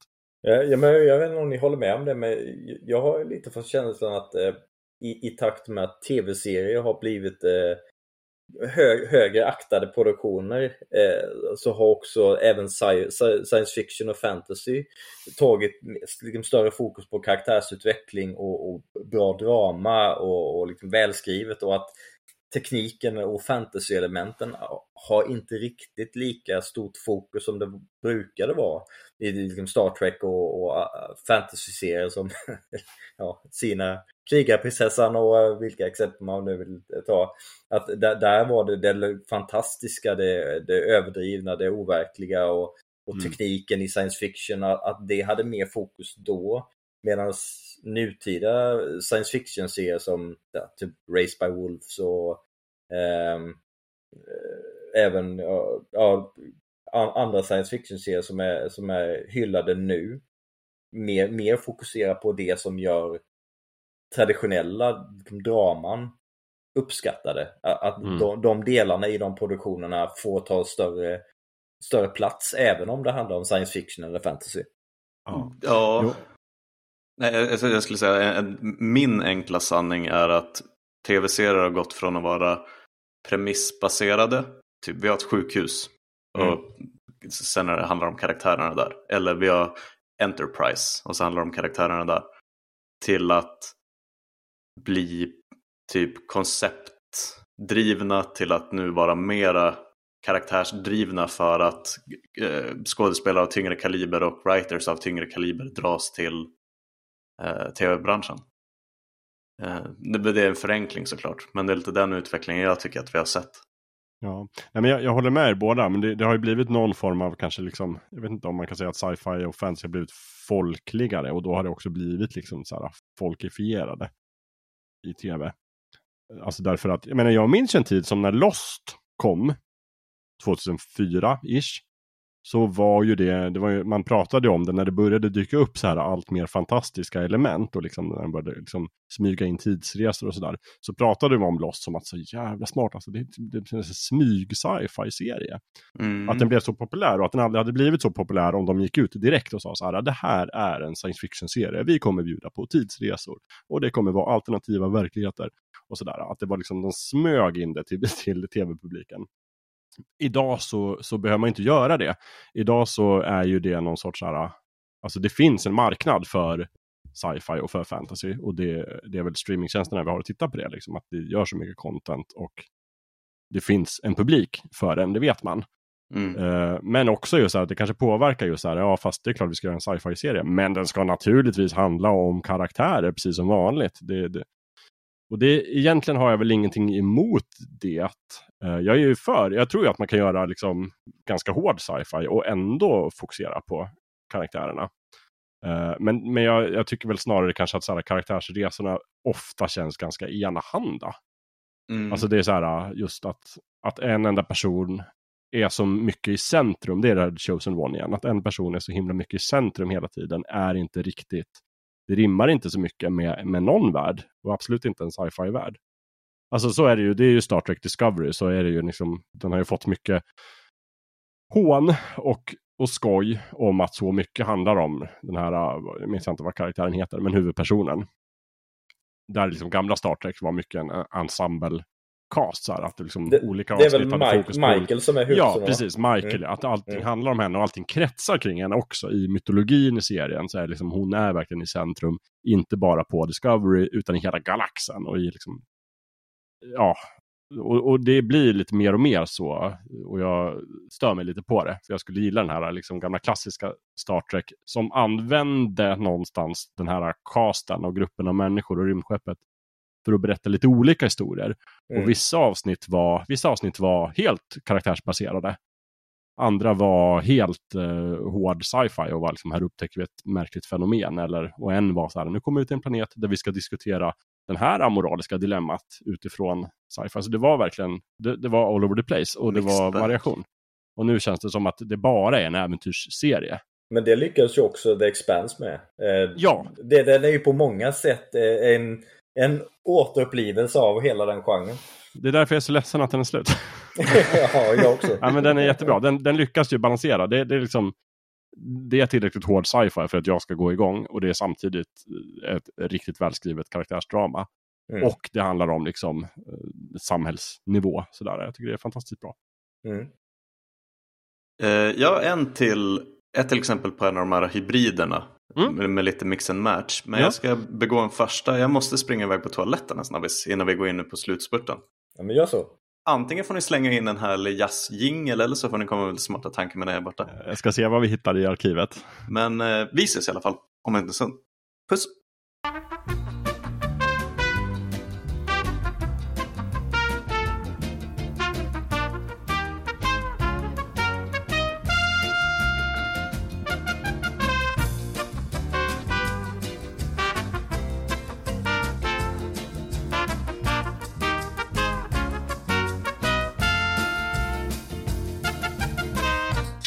Hittade en folköl i kylen på vägen tillbaka. Oj!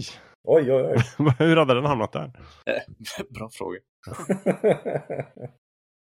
um, jo, det jag skulle säga när jag stack iväg innan våra lilla paus var att på tal om någon sån hybrid. Och, um, jag minns att vi hade den här kritiken när det begav sig, men jag minns när, när vi alla såg Altered Carbon. Mm.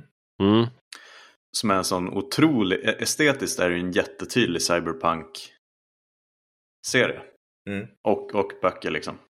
Men att, jag tror framförallt var det Jocke som tyckte att de här flashbacksen till skogen när han skulle träna att bli en sån envoy, någon typ av supersoldat, så kom Jocke med sin typiska så Shannara Chronicles kritik. Just, det är verkligen hans alla sätt att döda en, en fantasyprojekt. Det är att säga, Exakt. det ser ut som The Shannara Chronicle. Ehm, det sa han ju om Sagan om ringen-trailern också. Ja. Lord of the Rings, The Rings of Power. det hårdaste han kan säga. Ser ut som Shannara Chronicles. Ja. Jag fattar vad han menar någonstans. Ja, jag Ja, också. jo, Ja. jo. Det är li- li- lite vibbar ändå får man ändå ge det. Ja men sån, du vet, ehm, tysk-australiensk satsning på sommarlovsmorgon liksom. Mm, ja, Ehm, precis. Åh, det fanns så mycket bra sci-fi där förresten som kom från kanadensisk sci-fi som hittade till Sverige genom so Sommarlovsmorgon. Det måste Mm. jag ändå säga. Det, det ska vi inte eh, förringa eller förminska. Nej. Men ehm, där kan vi verkligen snacka om så härlig sci-fi cyberpunk. Som plötsligt ska liksom be besudlas av någon typ av lågbudget fantasy. Lite skogslive mitt Mm. i Night City-myset. Och det är väl framförallt att den är onödig. Alltså Ja. det- det- den, den, spelar, den tjänar ingen funktion direkt. Och då, eh, ja, då förtas lite av sci-fi-känslan när de bara kastar in en, en curveball med fantasy så här från ingenstans. Det kändes som ett återkommande inslag för en, ehm, en kritik som man ofta hör om Christopher Nolans film Interstellar. Mm. Är ju den här scenen, och den är ju väl, verkligen så tung sci-fi på många sätt. Oh ja, oh ja. Ehm, men den här eh, scenen när Anne Hathaway säger typ att power of love är starkare än fysik. Mm. Eh, och, och, och att den har fått kritik för att så här, "Öh, den där är inte hemma i min, i min Ja, science Den fiction fegade ut alldeles i slutet liksom. Ja. Mm. Ehm, och att de här flashbacksen i uh, Altered Carbon känns lite på samma sätt. Att ni har byggt upp den här världen men plötsligt så ska det bli fantasy i fem sekunder. Liksom. Mm. Ehm, Men där, där tycker jag också man kan eh, Alltså det de kallar the power of love i den filmen skulle ju kunna vara någon del av vetenskapen som vi inte känner till än. Så man kan ändå så här, hypotetiskt säga att ja, det här är ett fantasyuniversum och de väljer att eh, etik- sätta etiketten kärlek på någonting som annars kanske är vetenskap. Eh, för för allt, allting runt omkring det är ju väldigt rotat i, i vetenskap. Det de pratar om, om svarta hål, det är ju rotat i den faktiska vetenskapen vi har. eh, De te teorier vi har runt det ja, gud ja. Ja, så, Jag- man, man, man kan ju ändå se det som att det där kanske är deras etikett på någonting som kanske också är baserat på vår verklighet som vi bara inte känner till än. Nej, nej, verkligen. Och, och där, där måste jag säga att jag verkligen håller med. Jag, jag tycker att den kritiken mot den scenen eh, är ganska missförstådd. Eller och från båda sidor. Jag tror att det är en estetisk kritik. Att Mm. det känns eh, fel när den dyker upp. Men ett, det är ett väldigt, väldigt vanligt inslag i science fiction att vetenskapsmän brottas med sin spiritualitet. Och Ja, att folk som säger så här, nej nej nej, det handlar, hon tror inte på riktigt att the power of love kommer göra att de hittar Matt Damon. Utan hon, hon i ett svagt ögonblick så eh, försöker hon, vad är det man säger, grasping for straws liksom. Greper efter ett halmstrå. mm. Precis. Och vill ni ha exempel på detta så kan ni lyssna på del två av vårt Alien-avsnitt. Ja.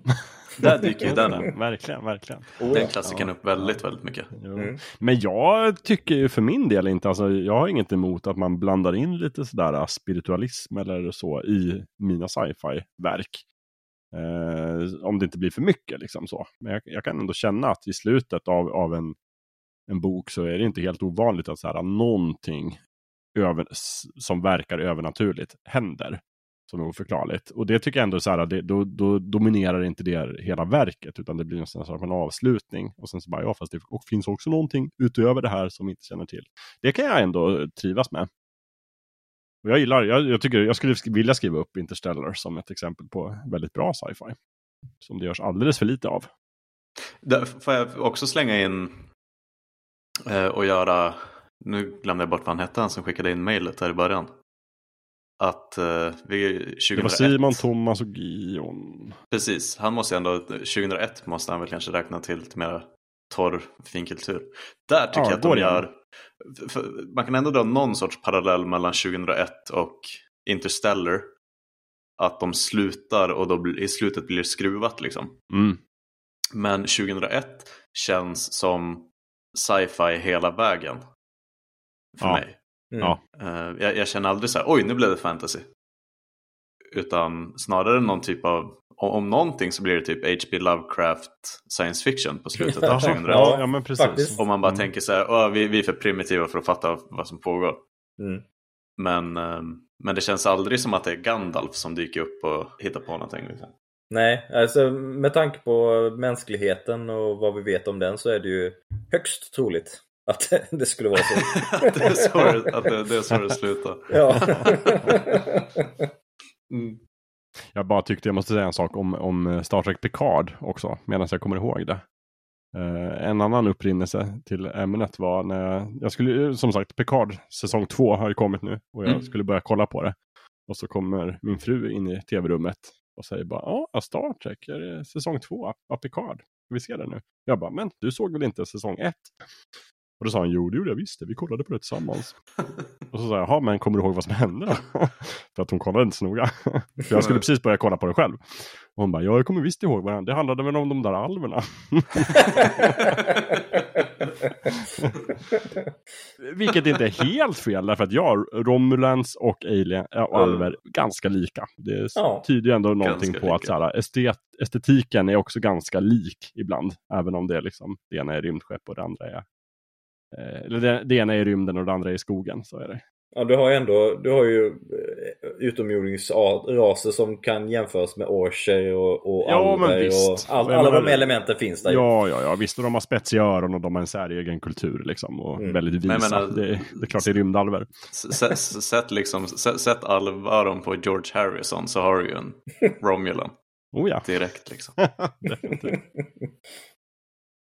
Där har jag också någonting att jag känner att typ 90% av alla spel känns det som att man kan, man, man kan antingen lägga dem i fantasy eller i science fiction. Mm. det är också en över, alltså en förenklad verklighet. Men att, och att spel i sin, väldigt mycket i sin grund och historiskt handlar om verklighetsflykt liksom. Oh ja. Ehm, och brett liksom så på samhällsnivå. Ehm, och begrepp som finkultur och fullkultur. Så, så är det ju någonting som vi har blivit matade av väldigt, väldigt mycket liksom. Um, och den andra grejen som jag ville ta upp var det här med fantasy och, och, och, sci-fi, Att man, eh, du vet med så här eh, postmodernism och modernism och vad säger man? Säger man förmodernism? Premodernism? Innan? Eh, ja, det vet jag inte. För modernistisk tid kanske. Vi säger så Och sen modernistisk och sen Ja. postmodernistiskt.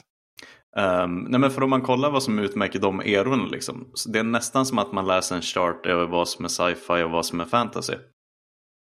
Eh, och det blir också väldigt tydligt att mycket fantasy är sprunget ur ja, men så tydliga sådana, du vet, sägner och Mm. eh, bibliska tider. Det du sa, att det, har- det har funnits liksom en fantastisk tid förut. Mm. Ja, precis. Um, vad, vad man lägger vikt vid. Det är liksom så här mysticism och eh, tro på övernaturliga makter. Eh, medan modernismen handlar ju mer om det oskrivna bladet, objektivism, eh, fysi- fysiska lagar, liksom naturalism och re- realism och sånt där. Ehm, där, där tycker jag ändå att man kan skönja varför fantasy känns dåtid och någonting som har funnits i flera hundra år. Om vi har kallat det nymfer och, Mm. och alver liksom. Och att science fiction är någonting som dyker upp kanske på 1900-talet. Eh, under industrialismen när den växer fram och sådär. Eh, att man kan verkligen se i, kollar man på mänsklig utveckling och de senaste flera hundra åren så, så, så kan man se liksom den fantasy, science fiction och nu har vi haft båda så pass länge att vi börjar mixa, och, mixa Mm. ihop dem. Liksom. Mm. Men nu tror jag jag tjänar tillräckligt många högskolepoäng. Så. Ja men det, det ligger nog mycket i det liksom. Det är ju det som är så intressant. Att på ett sätt så är både science fiction och fantasy så himla olika. Därför att de verkar liksom ha helt olika ambitioner. Om man, om man tänker så. Men också så himla lika därför att de delar så mycket i liksom material. Um, och sen är det väl kanske så att allting ju längre tiden går blir en remix och en mix av alltihopa. Precis som musikgenrer mixas ihop och det blir liksom olika fusions och eh, varianter. Och sen så är det någon som är så här back to the roots och gör en väldigt ren genreskiva. Och sen så Mm. utvecklar man sitt sound och så vidare. och Så vidare. Så är det väl också med, med genrer, tänker jag. Och det finns ju, alltså jag menar, jag älskar ju de här hybridgenrerna och det finns ju varianter som alltså urban fantasy och dark fantasy och liksom fantasy-skräck och det finns science fiction-skräck. Det pratade vi om inte minst i de två förra avsnitten. Och liksom, att, jag, jag gillar ju att man kan variera sig sådär också. Jag tror att egentligen det det bakar ner på som jag blir lite sur över är att just den här, liksom, jag saknar den här lite mera edgiga science fiction genrerna och fantasy-genrerna för den delen i tv. Eh, som liksom, jag skulle vilja ha flera serier som första säsongen av Game of Thrones, eh, The Expanse och liksom jag tror, jag tror det handlar om att jag är lite orolig för den här Sagan om ringen-serien. Vad den ska bli liksom. För jag tycker också, det är mycket, alltså vi har inte pratat så mycket om fantasy-tv, men, men jag tycker också att en så här trope som, som har börjat liksom verkligen svämma över i den är just det här med att det egentligen är ett postapokalyptiskt samhälle. Det är egentligen vår tid liksom efter katastrofen som det visar sig. Och där har vi också, då får vi lyfta upp den här då, det, The Shannara Chronicles, där de liksom gjorde det eh, lite för mycket kan jag tycka. Mm. För så är det i The Wheel of Time är det ju också det, fast det är inte riktigt vår tid, fast det kanske är det. Men, men det är ju en stor grej i boken som, som smygs fram, eller i böckerna rättare sagt, under liksom 18 böcker eller vad det är. Så får man liksom sakta men säkert veta på att det liksom, eller man får ganska snabbt veta på att det finns en så här föregående tidsålder som har gått under. Och vi lever liksom i resterna av den. The Age of Legends, som det heter då. Och sen så fortsätter man och får man reda på mer och mer av världen, att liksom tiden är egentligen cyklisk och den består av fem olika åldrar, så att varje ålder kommer tillbaka gång på gång på gång. Och då kan man någonstans börja lista ut att okej, okay, men kanske att vår nuvarande värld är liksom världåldern, första åldern. Eftersom att i böckerna så lever de i tredje åldern. Uh, och detta syns ju lite också i tv-serien. I, i Shannara Chronicles så är det lite samma sak, fast där visar de liksom alltihopa i trailern, kommer jag ihåg. Alltså, I trailern fick man direkt Så se liksom så så här, Golden Gate Bridge i San Francisco och liksom så här gamla förstörda vindkraftverk. Och, det var liksom så här, och sen så visade de det i fan varenda bild i första säsongen av Shannara Chronicles. Tills liksom sista avsnittet, jag kollade på hela säsong 1 av Shannara Chronicles. Tills i sista avsnitten där, man liksom, där de kom till gamla San Francisco och hittade typ en tunnelbanekarta och det var liksom overload av liksom så här markörer av att det här är egentligen USA efter katastrofen, bara så ni vet. Uh, och jag vet inte om det är så i böckerna också, men jag tyckte det blev lite för mycket här. Uh, Dåligt försök att göra Planet of the Apes liksom. Ja, men lite sådär. Det, det, ska, det ska ju vara en twist någonstans att det är så. Det är som, man behöver inte berätta om det varenda minut. Om att, Här, by the kolla way, här, kolla här, Golden ja, Gate Bro, precis. kolla här. Lite så, lite överdrivet. Lite, äng, lite ängsligt som Jocke Bennett skulle säga. Men någonstans tycker jag tycka att det är helt okej okay, så länge som det är en bra produktion, vilket Shannara Chronicles inte är. Jag tror jag överlevde tre, tre avsnitt innan jag gav upp den. Ja, Nej, men, men jag tänker att det är lite därför de gör det för mycket också. För de vet att det inte är bra manus och det är inte så bra skådisar. Så vi får fan försöka behålla intresset. Vi ska visa så här ett förstört vindkraftverk varenda sekund i bakgrunden. Eh, för men det, samma grepp används ju i det här eh, Horizon. Uh, Mm. Det nya Mm. heter Forbidden West. Forbidden West, Det gamla precis. heter Zero Dawn. Mm. Eh, och gör det liksom jättebra. Det är verkligen så här fantasy, techno-fantasy som visar sig vara postapokalyps. Bra exempel på det tycker jag. Mm. Mm. Ja, verkligen. Verkligen. Där tror jag, jag tror också att för, lite hur, hur mycket man uppskattar Horizon Zero Dawn och så handlingen där liksom och världsbygget. Ja. Tror jag bygger lite på hur, hur många gånger man har sett den storyn spelas ut liksom. Mm. Något, något mått av det liksom. När man, för på det sättet kan ju Planet of the Apes falla offer för Seinfeld-syndromet. att när twisten väl kommer på slutet så då kanske man redan spelar Horizon Zero Dawn och tänker ja, Ja. det där har jag sett förut. Ja, precis. Jo. Ehm, så det finns nog ett mått av det också. Hur många gånger har, har du varit med om sjätte sinnet-twisten? Mm. Ja, men Så, exakt. så hur, hur fräsch Mm. känns det när den kommer? Men, men där, där var det ju också väldigt många som är så genre-savvy och har sett det förut och Mm. tyckte att det berättades på ett, på ett så bra sätt. Och, och där tror jag att du faller nog in i den i det facket, Jakob. Ja, jo men verkligen. Men det är också för att jag älskar ju egentligen den tropen. Jag älskar det här Mm. postapokalyps-avslöjandet. Eh, det har hänt många, tusentals gånger och de flesta gör det bättre än, än Shannara.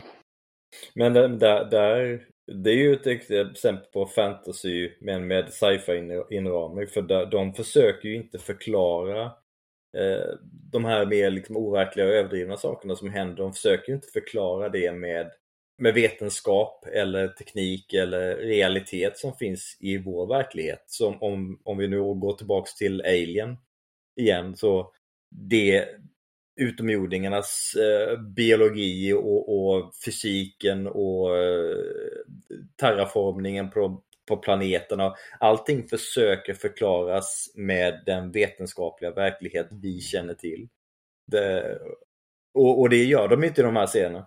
Nej men verkligen, du har rätt. Alien är definitivt uh, sci-fi i det avseendet. Så. Eller sci-fi skräck. Men, men, men, och även om och det är fastän de inte går in, liksom, de går inte in i detaljer naturligtvis. För det är en film. det är, det är liksom en actionfilm, en skräckfilm. Ingen vill sitta där och titta. Nu ska vi berätta exakt hur vi, vi termaformar LV 423. Nej, det ska vi naturligtvis inte göra. Men, det men det gjorde de ju vill som- quasi-officiellt med Prometheus istället. Nej, nej, men jag tänkte bara säga att eh, som eh, fantasy eller om man ska liksom, eh, hänvisa till grekiska mytologin. Där, där, där, där kunde, ju- det kunde ju kreatur som man stöter på och eh, eh så förvecklingar som, som är baserat på drama och mänsklig interaktion kombineras med saker som är fullständigt orealistiska. Kreatur som kan förvandla ett till sten och Mm. Eh, och gudar som eh, går, ner och, eh, lägger sig i eh, människors eh, inblandning.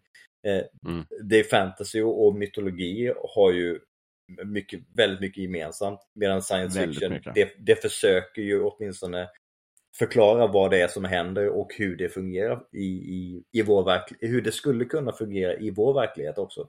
Ja, för jag tror, jag tror när, när, jag satt, när jag satt och funderade på min definition av science fiction versus fantasy eh, så att jag läste runt lite om ja, men, eh, vad sägs om det här egentligen? Vad, vad är de gängse, gängse idéerna? Då läste jag, läste jag någonstans att eh, det var någon som skrev att science fiction ställer scenarion om vårt universum medan fantasy ställer scenarier i vår verklighet mot helt andra verkligheter. Eh, och, och, och ska man köra på den definitionen då, då, då, då glider de ju verkligen ihop. För då, då kan ju nästan det mesta som, som är science fiction vara fantasy och vice versa. Men Jakob, jag tycker ändå att övergripande så känns det ju som att du är mer, eh, jag säger irriterad, över att fantasy sipprar in i sci-fi än vad det är att sci-fi sipprar in i fantasyverk. Ja, eh, precis. Jag tänker att om- om, lite sci-fi tropes hittar in i fantasy-serier så gör det inte så stor skada. Liksom. Det är fortfarande fantasy. För den är dominant. Medan man kan förstöra, tänker jag, en, en annars väldigt bra sci-fi serie med att blanda in för mycket fantasyinslag. Det, det har du nog rätt i. Ja, men och där är jag beredd att, verkligen beredd att hålla med. Att, lite så, nu kommer jag in på kemi, men det här med lösningar och blandningar. Just det. Ehm, eller vad fan ska jag säga, om, om sci-fi är liksom, nej om fantasy är typ saffran. Mm. Att även om du bara tar lite grann Ja. så blir hela rätten orange. Och då måste du säga, men det är saffrankyckling eller ehm, det tar liksom över även om det är ett liten... Ja, visst. Nej, men det, ehm, det är precis som Lövet sa i början där. Liksom, om det är någonting som är omöjligt, då är det fantasy. mm, Så lägger vi in lite, mal vi ner lite omöjligt i det, då blir det fantasy någonstans om man ska vara hård. Det räcker åtminstone med små, små mängder Ja. Mm. fantasy för att det ska ta Ja, över typ- en hel rätt. Liksom. Ett Och, helt och, är det ett science fiction-verk som man verkligen vill tro på, då bara lite fantasy förstör ju illusionen av att Ja, det här är ett framtidsscenario som jag tittar på.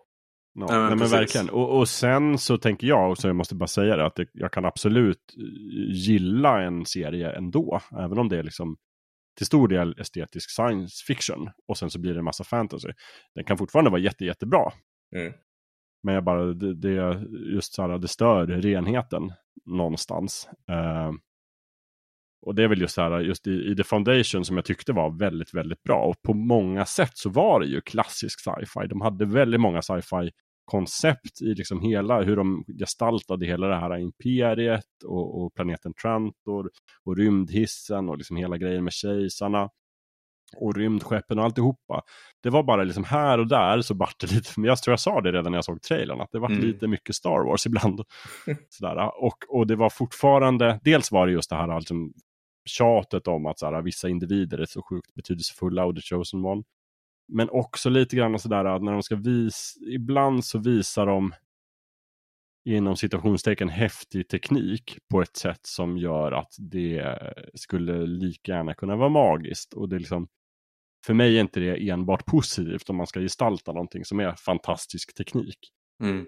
Utan jag vill gärna få någon, jag behöver inte få en liksom detaljerad förklaring hur det fungerar, men jag skulle gärna vilja få liksom så här, bara en liten hint om att det är baserat på något koncept som finns i verkligheten.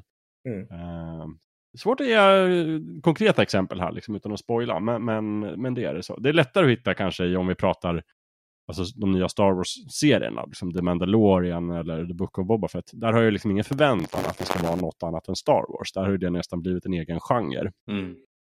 Och, och där blandar de ju in rikliga mängder western-genre också, såklart. Ja, Så verkligen. Det är ju verkligen ett, ett Mm. mischmasch. Eh, men där skulle jag ju nästan tycka att det vore konstigt, men bara för att liksom, din så här kemi-analogi, Gustav, om de skulle blanda in helt plötsligt någon sån här riktigt konstigt sci-fi begrepp i Star Wars så skulle inte det liksom på något sätt störa tror jag. Nej, för för att det är redan en...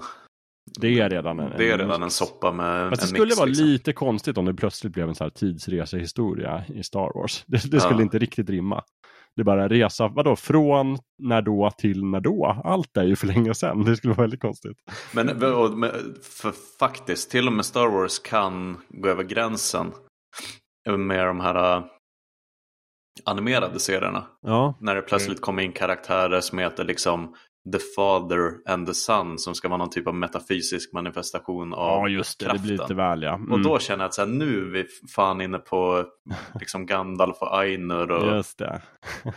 Eller vad säger du om att man är en triad i kraften? Ja, åh gud. Det, åh, åh. De, de blandar ju till med in häxor i eh, de animerade serierna. Ja, just det, precis. Mm. Ja, just Sant, det. ja. Mm. Ja, det blir lite sådär. Men, men, men, men också faktiskt, tänker jag, i prequel-filmerna. Som också har varit liksom föremål för en het debatt. Mm, Just i hur de, såhär, dem. eh. I originaltrilogin så pratar de mycket om, såhär, där finns det ju inget snack om såhär, the chosen one. Utan det lyfter de ju in i prequel. Alltså, såhär, Anakin Skywalker, du är liksom the chosen one. För du, Mm. det är du som profetierna säger ska ge balance to the force. Så de går, å ena sidan går de dit och bara så här, "Ah, det här är så jävla fantasy troop här. Kolla, Anakin är liksom den utvalda.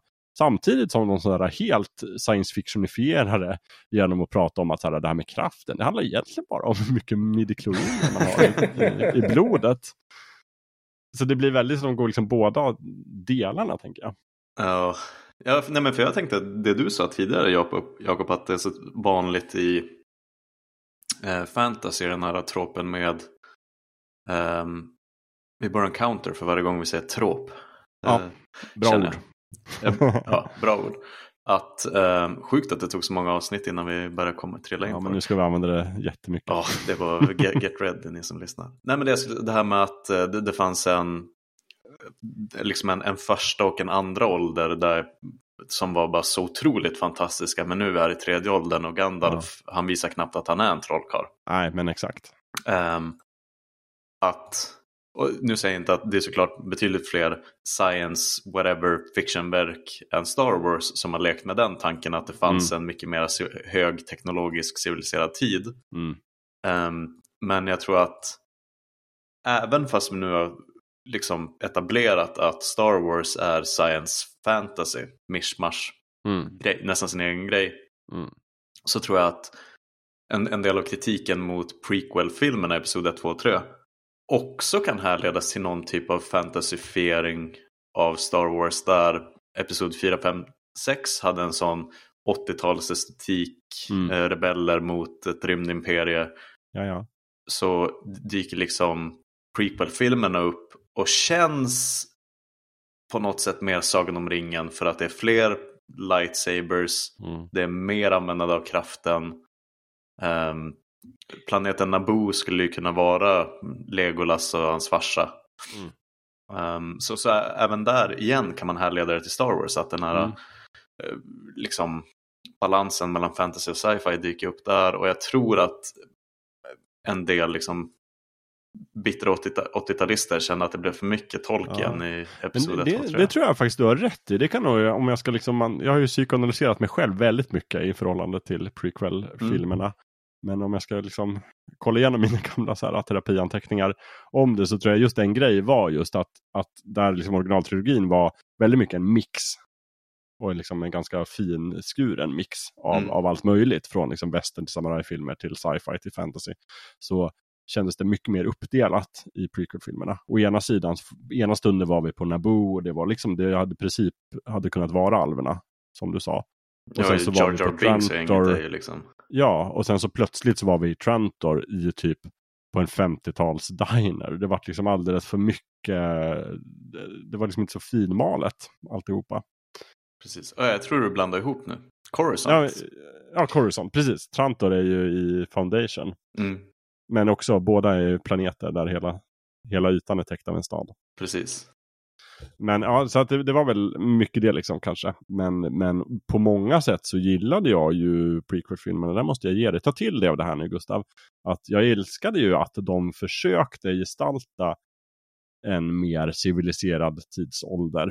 Eh, Mm. Det var ju verkligen så här. Eh, den sista resten av det gamla republiken. Liksom, den högstående tidsåldern innan förfallet. Eh, Det var mer glänsande rymdskepp och sådär. Och det tyckte jag ändå var ambitiöst att försöka göra det.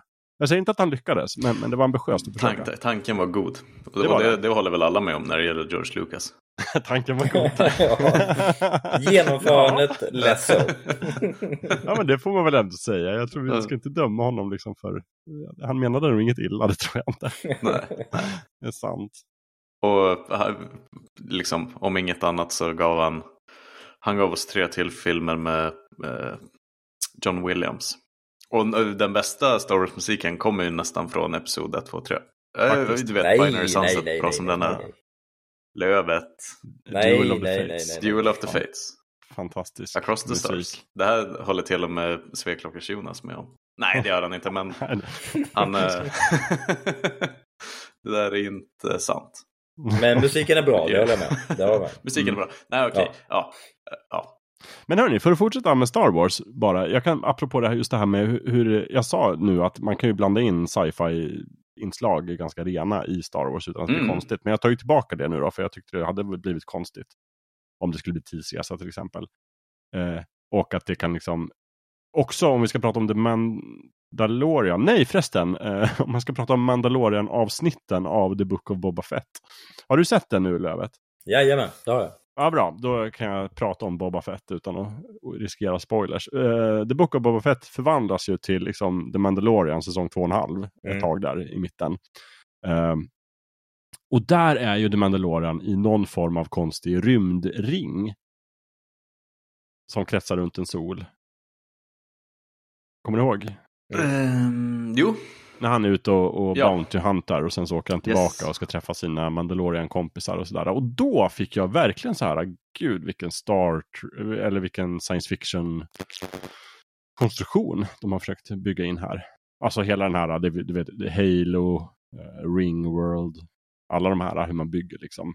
Sådana Dyson spheres. Ja, lite Mm. Dyson Sphere, fast bara en ring då. Att det bara, så, ah, okej, intressant. Och det, det funkade ju någonstans där, men jag tyckte det var lite sådär, bara nu är det någon som har läst David eller Larry Niven, tänkte jag, Mm. ska göra Mandalorian.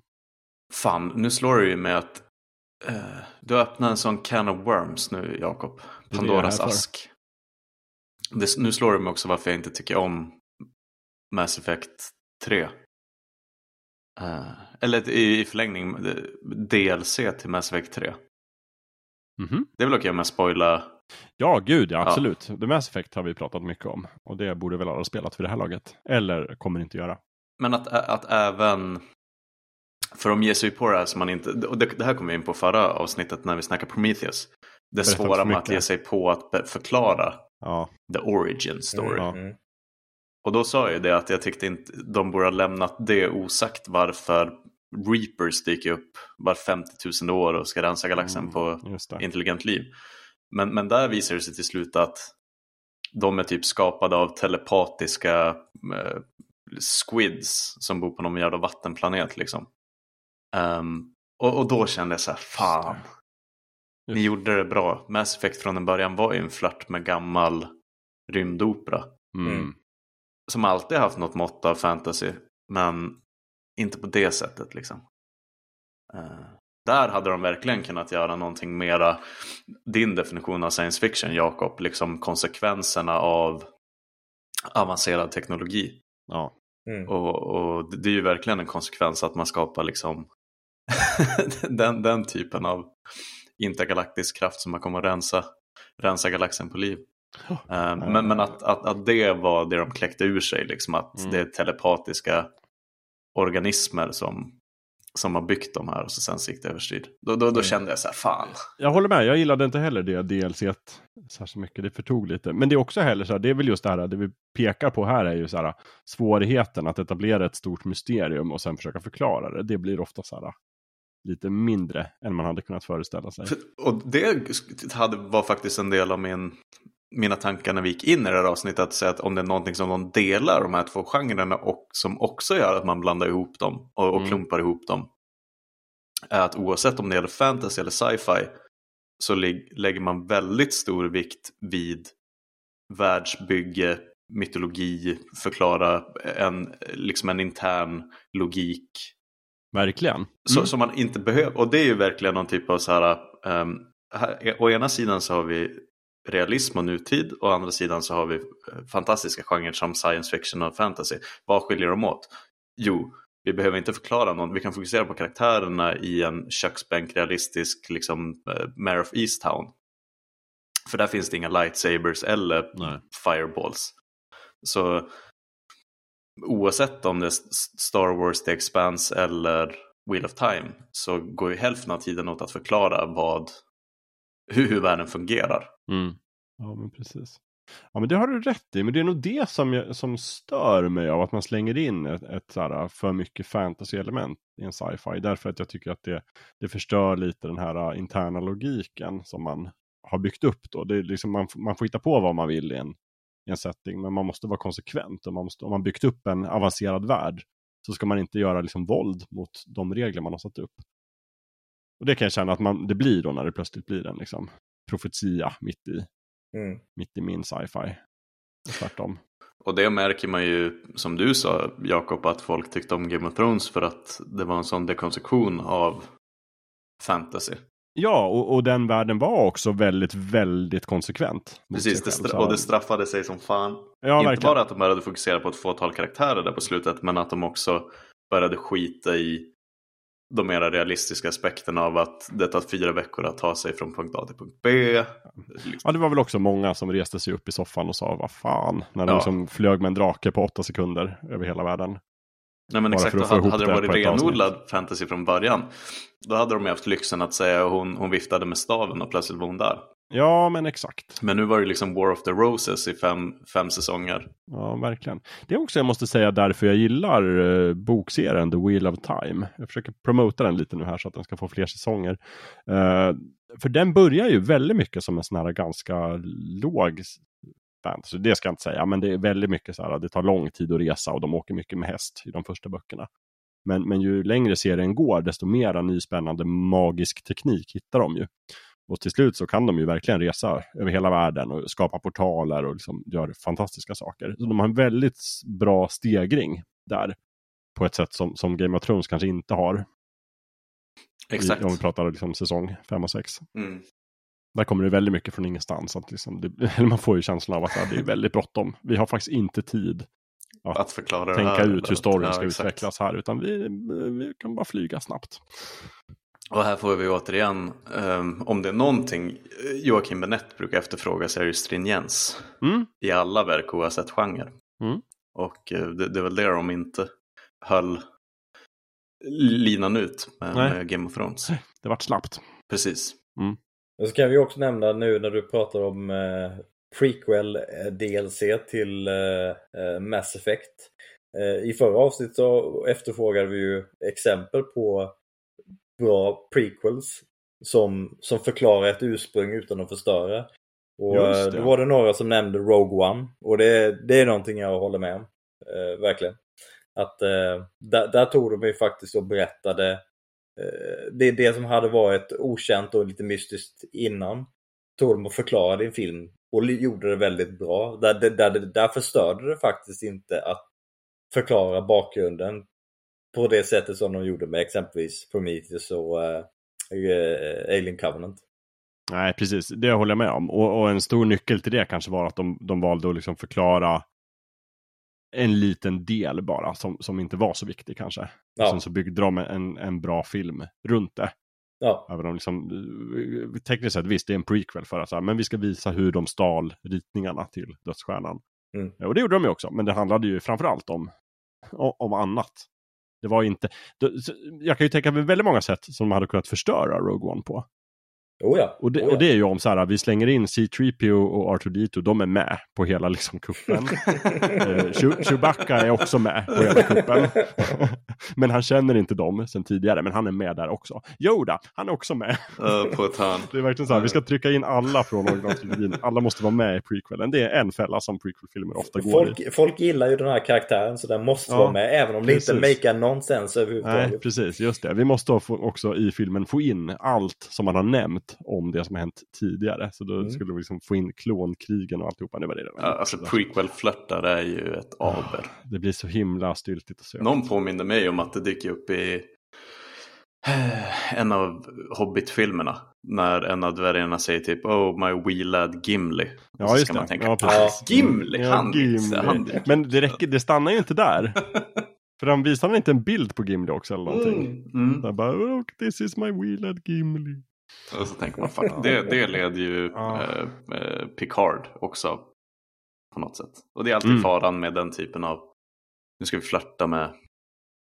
Ja, det kan jag bli måste, för mycket. Jag måste Även också slänga fans. in att, lite så, du vet den, but actually, så tycker jag att Rogue One inte kvalar in till 100% för att man vet vad som hände precis före och precis efter. Alltså det, för mig är Rogue One lite mera um, så här, uh, vi vet vad vi vet hur andra världskriget slutade men uh, spännande att få se vad som faktiskt hände i Hitlers bunker typ. Hur gick det till? Mm. Och vad sades? Eller liksom det, det är mera den typen av story tycker jag. Där Prometheus ska ge svar på en sån bo- mystery box. Mm. Liksom. Ja, men Ehm, precis. Ja. Men, ja, men och- eh, och- jag vill inte diskvalificera den. Jag, jag tycker att det är ett bra exempel men Mm. bara så att ni förstår. Jo, men jag håller, jag håller med om att det förklarar ju inte ett, ett fundamentalt koncept i den världen som eh, Prometheus försöker förklara. Men var kommer Xenorphs ifrån? Eh, vad är bakgrunden till det? Ja men precis, Star eh, Wars-motsvarigheten hade ju varit var kommer kraften ifrån? Typ. Mm. Ja, exakt. exakt. Men utan eh, där är det mer, okej men eh, vi vet att de stal planerna. Mm. Exakt så här gick det till. Ja, okej. Mm. Ja, men då. Mm. Fan, Men det var bra att du tog Mm. upp det Lövet, för vi fick ju också andra tips på bra eh, prequel-filmer och bra, bra treor. Det var ju det Mm. vi, vi efterfrågade. Mm, Jag ska bara ta upp det här. Vi- Det var ju någon som tyckte att Bumblebee var en bra prequel. jag håller med. Eh, det är ju inte jag. Nej, du håller inte med. Nej, nej men, men också uh, Den gode, den onde, den fule från Mm. eh, då, Sergio Leones uh, Dollar-trilogi. Och det, det är Bra ett bra exempel. Bra exempel. Klockren, mycket bra exempel. Mm. Eh, men också Toy Story 3. Mm. är ett bra Mm. exempel. Pixar, just Toy. Story-filmen är väl liksom ett stort jävla undantag. För även fyran är ju jättebra. Ja. Men eh, det- visst efterfrågade vi där, exempel på där trean är bättre än de Den bästa två? i trilogin. Ja, jag, jag safeade lite sen när jag skrev ner det. Jag skrev lika Ah, bra okej. eller bättre. Ah, okej. Ja, att- jag, jag vet inte om jag tycker trean är bättre än ettan, men eh, Nej. den är definitivt på den nivån i alla fall. Ja, samma nivå kan vi säga. Ja. Det var, vi får ge det det. Jag shanghajade och började räkna upp en massa exempel själv. du gjorde en gurra helt enkelt. Jag gjorde en gurra helt enkelt. För sen har vi också sådana ex ex extremvarianter, typ Fast and the Furious, där femman är inte bättre än ettan, men den är långt mycket bättre än de tvåan, trean, fyran liksom. Och sånt där. Mm. Men Ja, men det är så. Ja. Fortsätter en serie bara tillräckligt länge så... förr eller senare hittar den någon typ av Någon eh, av... Ja, ny, Exakt. ny höjdpunkt. Mm. precis. Men jag står fast vid The Born, The Born Ultimatum. Ja, det var också ett väldigt bra exempel. Det- Då har vi faktiskt i alla fall Dollar, trilogin, Toy Story-filmerna och eh, Born-filmerna. Mm. Det är toppen. Mm. Hörni, det här med science fiction och fantasy.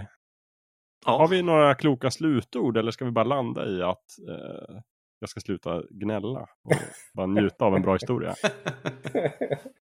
ja, jag tycker att vi Jag kan landa i att det är en, det är en fascinerande eh, liksom, tankeövning. Och, och om man inte har ställt sig den frågan tidigare så så kan man ju, kan, får, får lyssnarna gärna återkoppla med men hur ser ni på science fiction och fantasy? Vad skulle er Mm. definition vara? Eh, håller ni med om vår definition eller har ni något helt annat? Eh, det skulle vara intressant att höra. Jag hoppas att någon har hållit liksom ångan uppe nu, någon som blev tokförbannad på min och Lövets definition och har suttit nu i en och en halv timme till. och skrivit ett mejl. Exakt. Ja. Ehm, Om, om de har skrivit hela den här tiden, då kommer vi läsa upp det hela nästa avsnitt. Men eh, jag tänkte, kan vi, inte gå, kan vi inte försöka knipa MVG-poängen och blicka framåt? Vad, vad tror vi kommer hända? Om vi speciellt kanske titta på tv-branschen. Om, om vi nu kommer det bli sämre eller bättre, Jakob? Ja, det tror jag. Vilket Ja, av? det, det, ja, va, eh, jaha. jaha, jag ska svara om om det blir sämre eller bättre också. Mm, mm. Ah, alltså jag vet inte, jag tänker ju att så mycket nu handlar det om att alla strömmande tjänster letar franchise med ljus och lykta. Och bara liksom köper upp varenda gammal fantasy-bokserie de kan hitta. Mm. Och när de är slut så fortsätter de att köpa sci-fi. Och det är liksom, allt kommer ju bli tv-serier. Och när det är i det tempot så tänker jag att man, man funderar inte jätte, jätte, jättemycket på så här, hur ska vi förhålla oss till liksom renheten i den här genren när vi filmar. Eh, utan man försöker då gör man ganska så här breda grepp och försöker hitta så här, men vi, då- vi vet ungefär så här hur, hur en spännande och bra serie ska vara, så nu gör vi det. Och då blir genren mer estetiken och, och settingen. Eh, och det är jag väl okej med, men jag tror att det kommer fortsätta vara så. Jag tror inte det kommer bli bättre på det sättet, men jag tror att vi kommer få några guldkorn i alla fall, precis som det alltid gör. Då och då, kanske var femte, sjätte år, så kommer vi få en ny Interstellar och vi kanske kommer få en ny The Expanse. Och vi kanske kommer få en ny Sagan om ringen. Jag hoppas det i alla fall. Jag tycker att vi, vi fick ju ett exempel på det, eller ja, vi fick ett halvt exempel på det med eh, filmen Dune. Eh, för för Ja, just det. 80-tals eh, Dune är ju ett klockrent exempel på kombinationen av science fiction och fantasy. Eh, nu fick vi inte så mycket av fantasy-delen i den här första Denis Villeneuve eh, Dune-filmen. Men jag gissar att det kommer väl bli mer av den varan i eh, del två. Så det är ju ett exempel på när den blandningen faktiskt används på ett väldigt, väldigt bra sätt. Eh, Guardians of the Galaxy-filmerna skulle jag säga att de är, eller åtminstone tvåan, är ju väldigt mycket science fiction och fantasy i ett.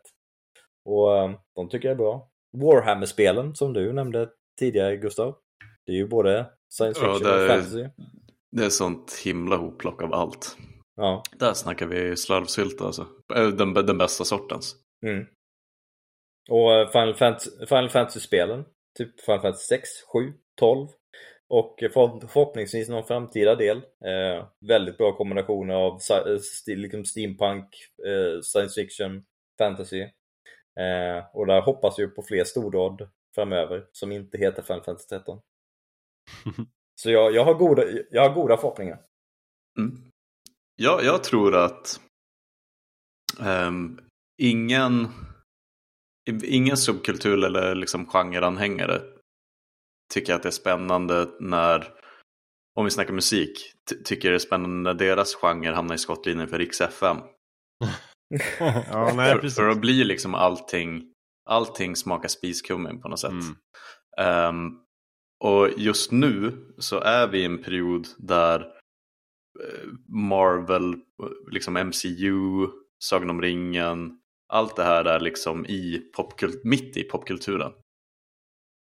Men man ska också minnas typ 60-70-talet där det verkligen var liksom sociala problem och köksbänksrealism och, som stod i fokus.